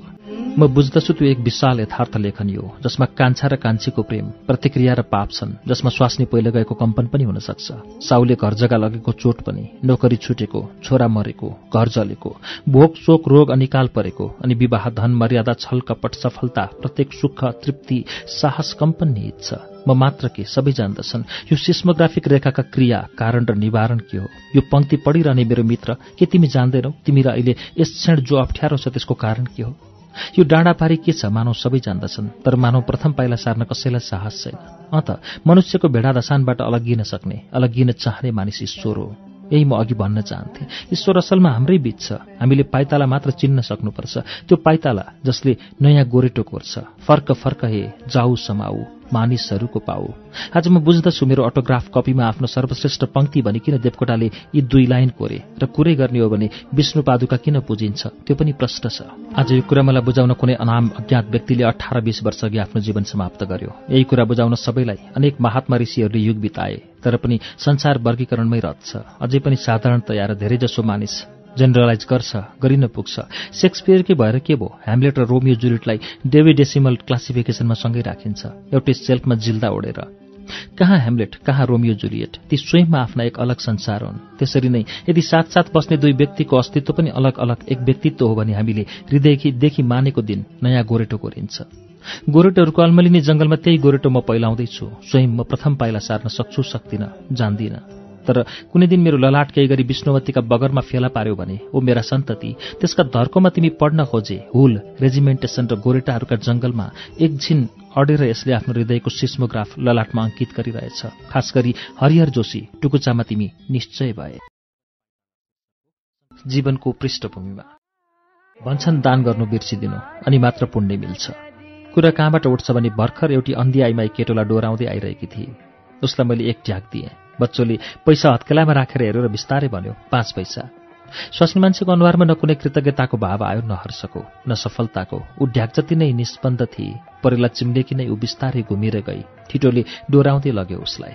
असलमा यो साह्रै नगण्य एक घटना थियो र कहानी कलाको मापतौलमा यस्ताको उल्लेख गरिन्न पनि। र जीवनमै पनि यी जुन नगण्य पात्र छन् यिनलाई सम्झिराखिन्न। तर मेरो परिस्थिति अर्कै थियो। म त्यसबेला जीवनको गहनता र महानता र विभिन्नता उप रमिएको थिएँ। मेरो आँखामा एउटा स्मार्ट ठिटोको अनुहार व्याप्त थियो र मेरा कानमा उसका बोलीको झङ्कार गुन्जिरहेको थियो। ऊ असलमा स्कुलबाट भागेर आएको थियो। निलो कट्टु सेतो कमिज पुस्तकको झोली जनै जस्तो भिरेको। दाहिने हातमा लन्च बक्स सडकमा उभिएर ऐनाभित्रका मालसामान निरीक्षण गरिरहेको। मेरो छोराकै स्कुलको लुगा देखेर सायद एक आत्मीयताको नाताले होला। मैले अङ्ग्रेजीमा सोधेँ आज स्कुलबाट किन चाँडै आयो? पुलुक्क मेरो मुख हेर्छौ। अहिलेसम्म साँच्चै भनौँ भने म युनिफर्मसँग कुरा गर्दै थिएँ। अब जब अनुहार आउँछ मेरो सामु म उसलाई उसकै रूपमा हेर्दछु। घोप्ट्याएको त्रिकोण छ उसको अनुहार र यसका आँखा भर्खरै मानौ कसैले कर्दले अनुहारमा रोपेको दुई ताजा घाउ हुन्। नानी परेला आँखी भाउ केही देखिँदैन पहिलो चोकमा। होला नि ती तर तिनको प्रमुखता होइन। सायद प्रयोजन पनि अनुहार विशिष्ट छ। बुझ्न नसकिए एक छाप छाडिदिन्छ मनमा र धेरै बेरसम्म ऊ धमिलिएर पनि प्रष्ट भइरहन्छ मानौ। फादरले घर जाऊ भन्यो मलाई घाउ भयो। कहाँ? यहाँ? निउरेर गुणामुनि हेर्छु। घिस्रिएको दाग छ आलो। म त तिमी भागेर आयो भन्ठानेको म भाग्ने खालको मान्छे होइन। मलाई थाहा थिएन नि त मैले घाउ देखिनँ। ठाने स्कुलबाट तिमी भाग्यौ। उसले बिर्सिदियो। मैले दिन खोजेको सफाई। त्यसरी नै जसरी हामी दान बिर्सिदिन्छौँ अथवा भनौँ सफाईका वाक्य उसको लागि महत्त्वहीन थिए। नगण्डै भनौँ। अस्ति मैले अङ्ग्रेजी लिएर आएँ। त्यहाँबाट उसले दुईटा यो किन्यो। उसले औलाएका कुरा हेर्छु। ज्यापु ज्यापुनी हुन् काठका। उसको अनुहारको भाव यस्तो छ मानौ त्यो किनाइदिएर उसले मेरो ठुलो उपकार गरिदिएको छ। मानौ मैले उसप्रति कृतज्ञता गर्नै पर्दछ। स्वीकार गरिहाल्नु उसको महत्वलाई होच्याएको देखिने हुनाले म शङ्का प्रकट गरिदिन्छु। तिमीले किनाइदियौ? अब ऊ दङ्ग पर्छ। ऊ मलाई यस दृष्टिले हेर्दछ मानौ उसको लम्बाइ पाँच फिट एक्कासी बढ्यो र इथरमा उसका वरिपरि एक प्रकम्पन छ उसको सानको। अब म सब मानव ग्रहण गरिरहेछु। चुप लागेर रोक्दा रोक्दै फुस्कन गएको पाराले मुस्कान बिस्तारै छाड्दैछ। मलाई लट्टाइबाट धागो छाडिरहेको सम्झना आउँछ। यत्तिका मौन यो सम्भाषण जो भयो यसको लागि मानव भाषा शब्द अभिव्यक्ति खै पर्याप्त? यो घरमा मेरो पनि छ। उसले बुद्धिको सानो प्रतिमा इङ्कित गर्छ। मलाई देखा पर्छ झल्यास एक पूजा कोठा र खापार र धुब्बती र अनेक भगवानका बीच बुद्ध बसेको दृश्य। म पनि यसरी टाउको हल्लाइदिन्छु मानव म जान्दछु सब। मानव मैले उसको पूजा कोठा देखेको छु। मानव म नै त उसको पूजा कोठे पुजारी हुँ। यसभन्दा ठुलो र यसभन्दा राम्रो साँच्चैकैको यस्तो अङ्ग्रेजलाई बेच्ने खालको होइन। पुजारीको जागिर पजनी हुन्छ मेरो। म मर्माहत हुन्छु। यसले मेरो व्यवसाय मानव राम्ररी जानेको छ। अँ यो अ म यस पाराले भन्छु जसमा आश्चर्य प्रश्न जिज्ञासा अनुरोध सब छ। मानव यो ओमको मन्त्र हो। बुझिदिन्छ ऊ कुरा। भन्छ मसँग टिबेटन स्टोन पनि थियो दुईटा। ईश्वरको स्वादिलो गम्भीर चर्चाबीच यो स्टोन दाँतमै मानव टोकिन्छ। अँ दुईवटा? हरायो बाकसबाट। नत्र देखाउने थिएँ ऊ भन्छ। तिमी कुन स्ट्यान्डर्डमा? सेकेन्ड बीमा घर कहाँ? Panorama hotel निरै। यस पाराले ऊ निरे भन्छ। एकछिन गम खाएर मानौ पनोरमा होटेल उसैको घर हो। निर त अर्काको। ऊ घरतिर जान्छ। न कुनै ग्रिटिङ न कुनै मुस्कान। फरक्क फर्कन्छ र हिँडिदिन्छ। म उसैको आवाज लिइरहन्छु मलाई केटाकेटी मनपर्छ। तिनको वरिपरि एक आभा हुन्छ जीवनदायिनी र त्यसको उद्गम स्रोत हुन्छ एक क्षणिक जिज्ञासाको। असलमा केटाकेटी मलाई मनपर्छ उसले हामीलाई बिर्सिदिने हुनाले र जब जब एउटा स्मार्ट केटा म देख्छु मलाई एक आशा प्राप्त हुन्छ एक विश्वास बर्सिन्छ मेरो सामु। लाग्दछ अझै संसार समाप्त भइसकेको छैन। अँ त भन्दै थिएँ त्यही केटाको तेजमा छोडेर गएको वातावरणको आवामा म रुमल्लिरहेको थिएँ। त्यसबेला म जीवनको गहनता महानता र विभिन्नतामा रुमल्लिरहेको थिएँ। र मलाई सम्झना आइरहेको थियो मेरो साथी एक कविको जो कविता गर्न छाडेर मास्टरी गर्न थाल्यो। र जो अब मास्टर मात्र भएको छ नाउँ उसले नकमाएको होइन स्वयं एक स्कुल बनायो कविता क्षेत्रमा। लेख्न छाडे पनि। आजसम्म तर जसको बराबर चर्चा भइरहन्छ ऊ बराबर भन्छ कविता लेखिन्छ आत्मतृप्तिका लागि होइन त? त केटाकेटीका घेरामा एकछिन बस्दा कस्तो आत्मतृप्ति हुँदो रहेछ? सडकमा हिँड्दा हिँड्दै एक दिन अनायास टक्क अडेर भन्छ यो ठाउँ देख्छस्? देखिरहेछु। राम्ररी हेर यस ठाउँमा मलाई एकपटक चरम तृप्तिको अनुभव भयो। ठाउँ हेर्छु नाङ्गो पेटी र रित्तो भित्ता पर्खाल बाहेक त्यहाँ केही छैन। पानी परेर म यहाँ त्यसै ओत लागेको थिएँ। एउटी पाँच वर्षकी केटी आफ्नो आमासँग जाँदै थिए। मलाई देखि आमाको ओडिरहेको छाता मागेर ल्याई। भन्छे मासब छाता लिनुहोस् मेरो त आँखाका परेला भिजे। सक्छस् न बुझ्न? त्यस केटीको हृदयमा भएको भावलाई रिस राग छल कपट द्वेष केही नउम्रेको स्वच्छ स्नेह त्यो। त्यसले मुस्किलले तीन चार सय शब्द जाने कि ओली। त्यत्रो सानो शब्द सञ्चयबाट शब्द झिकेर मासाप छाता लिनुहोस् भन्न सक्नु। आत्मप्रवञ्चना बिना आफूलाई आमालाई वर्षालाई बिर्सेर भन् त ती तीन शब्दमा कत्तिका कविता छ। बिस्तारै गालामा थप्थपाएँ। भने भोबा भो मान्छे पर्खिरहेको बेमन साथ ऊ फर्की। केटी स्कुलमा साधारण हो विशेष आँखामा नपर्ने। भोलिपल्ट मैले क्लासमा उसलाई धन्यवाद दिएँ। उसको अनुहारको दीप्ति त्यस बेला बाबु जीवनमा कविता छरिएर बसेका छन्। देख्न सक्नु र टिप्न सक्नु मात्र पर्छ। लेख्ने फुर्सद कसलाई? म जान्दछु। उसले नलेखिदिनाले हामीले धेरै कुरा गुमाएका छौँ। तर लेखिएका कुराबाट नै हामीले कहाँ के कति पाउन सकेका छौँ आजकल? फेरि दर्शन च्याउन खोज्छ। त भन्दै थिएँ जीवनको यस्तै गहनता महानता र विभिन्नताले परिपूर्ण काव्यात्मक अनुभूतिमा रमाइरहेको बेला मेरो आँखामा पर्छन् ती ढ्याक जस्तो चिसो अनुभूतिहीन अनुहार। म पाँच पैसामा त्यसलाई पन्छाउने दिएले झटपट पैसा दिइहाल्छु र भन्छु मन मेरो त बिर्सिदे तैँले गरेको यो उपकार र फर्किआइज काव्यपूर्ण संसारमा र यहाँनिर म असफल हुन्छु। मलाई लाग्दछ म अतीतबाट उम्कन सकेको छैन। यो जो विगत एक इतिहासको निचोड छ। यो उक्ति जसले अर्काको असफलतालाई पन्छाइदेऊ पैसाले दानले पुण्यले भजनले स्तुतिले भन्छ। यही हो जो हाम्रा पुर्खाका पुर्खाले हाम्रा पुर्खालाई सिकाए। त्यसबेला जब समाजले यो चेतनता पाएको थिएन यो व्यक्तिको सामूहिक उत्तरदायित्व समाज पर्छ भन्ने चेतनता। म किन अझै यो चेतनालाई बन्दी बनाएर पुण्य कमाउने तर्खरमा छु म मेरा सन्ततिलाई किन फेरि यही उक्तिको कोसेली ओसारू हँ? जब स्वयं मैले बुझिसकेको छु। के बुझिसकेको छु? होइन सोझो कुरा गर्ने हो भने मलाई अलि पापी नै भन्न देऊ। बरु तर म सम्झिरहन चाहन्छु मैले दान गरेका कुरा। कारण अनि पो मेरा आँखा अगाडि बारम्बार बराबर आइरहनेछन्। ट्याग जस्ता चिम्लिएका आँखा चिसा अनुहार र निर्लिप्त भाव र बार बार सम्झिरहेछु। घोप्टिएको त्रिकोण र कर्दले उधारेको दुई घाउ अनुहारको र बार बार म सम्झिरहन चाहन्छु। मानिसको हीनतम अवस्था। जब एक व्यक्तिले अर्को व्यक्ति सामु हात पसारेर पाएको दान पनि दान नसम्झिन सक्ने भएको थियो। जब दान पाएर पनि पाउनेको अनुहारमा कुनै प्रतिक्रिया कुनै लाज कुनै कृतज्ञता अथवा खोक्रो आशिषको सङ्केतसम्म पनि थिएन। म सम्झिरहन चाहन्छु त्यो अनुहार जसले भिख माग्नु पनि एक कर्तव्य ठानिसक्यो। त्यति ठूलो कर्तव्य मानौ ऊ हामीलाई अनुग्रहित गरिरहेछ अथवा भनौँ त्यति पनि होइन। उसको निम्ति त्यो क्रिया सास फेरे जत्तिकै रौँ उम्रे जत्तिकै नङ उम्रे जत्तिकै स्वाभाविक भइसक्यो। म चाहन्छु म उमारिदिउँ उनीहरूमा। आफू स्वयं कृतज्ञ भएर पनि एक लज्जाको भावना। वा म चाहन्छु उमारिदिउँ स्वयं आफूमा एक प्रतिक्रिया यी रगतमा घुमिसकेको परम्परा विरुद्ध।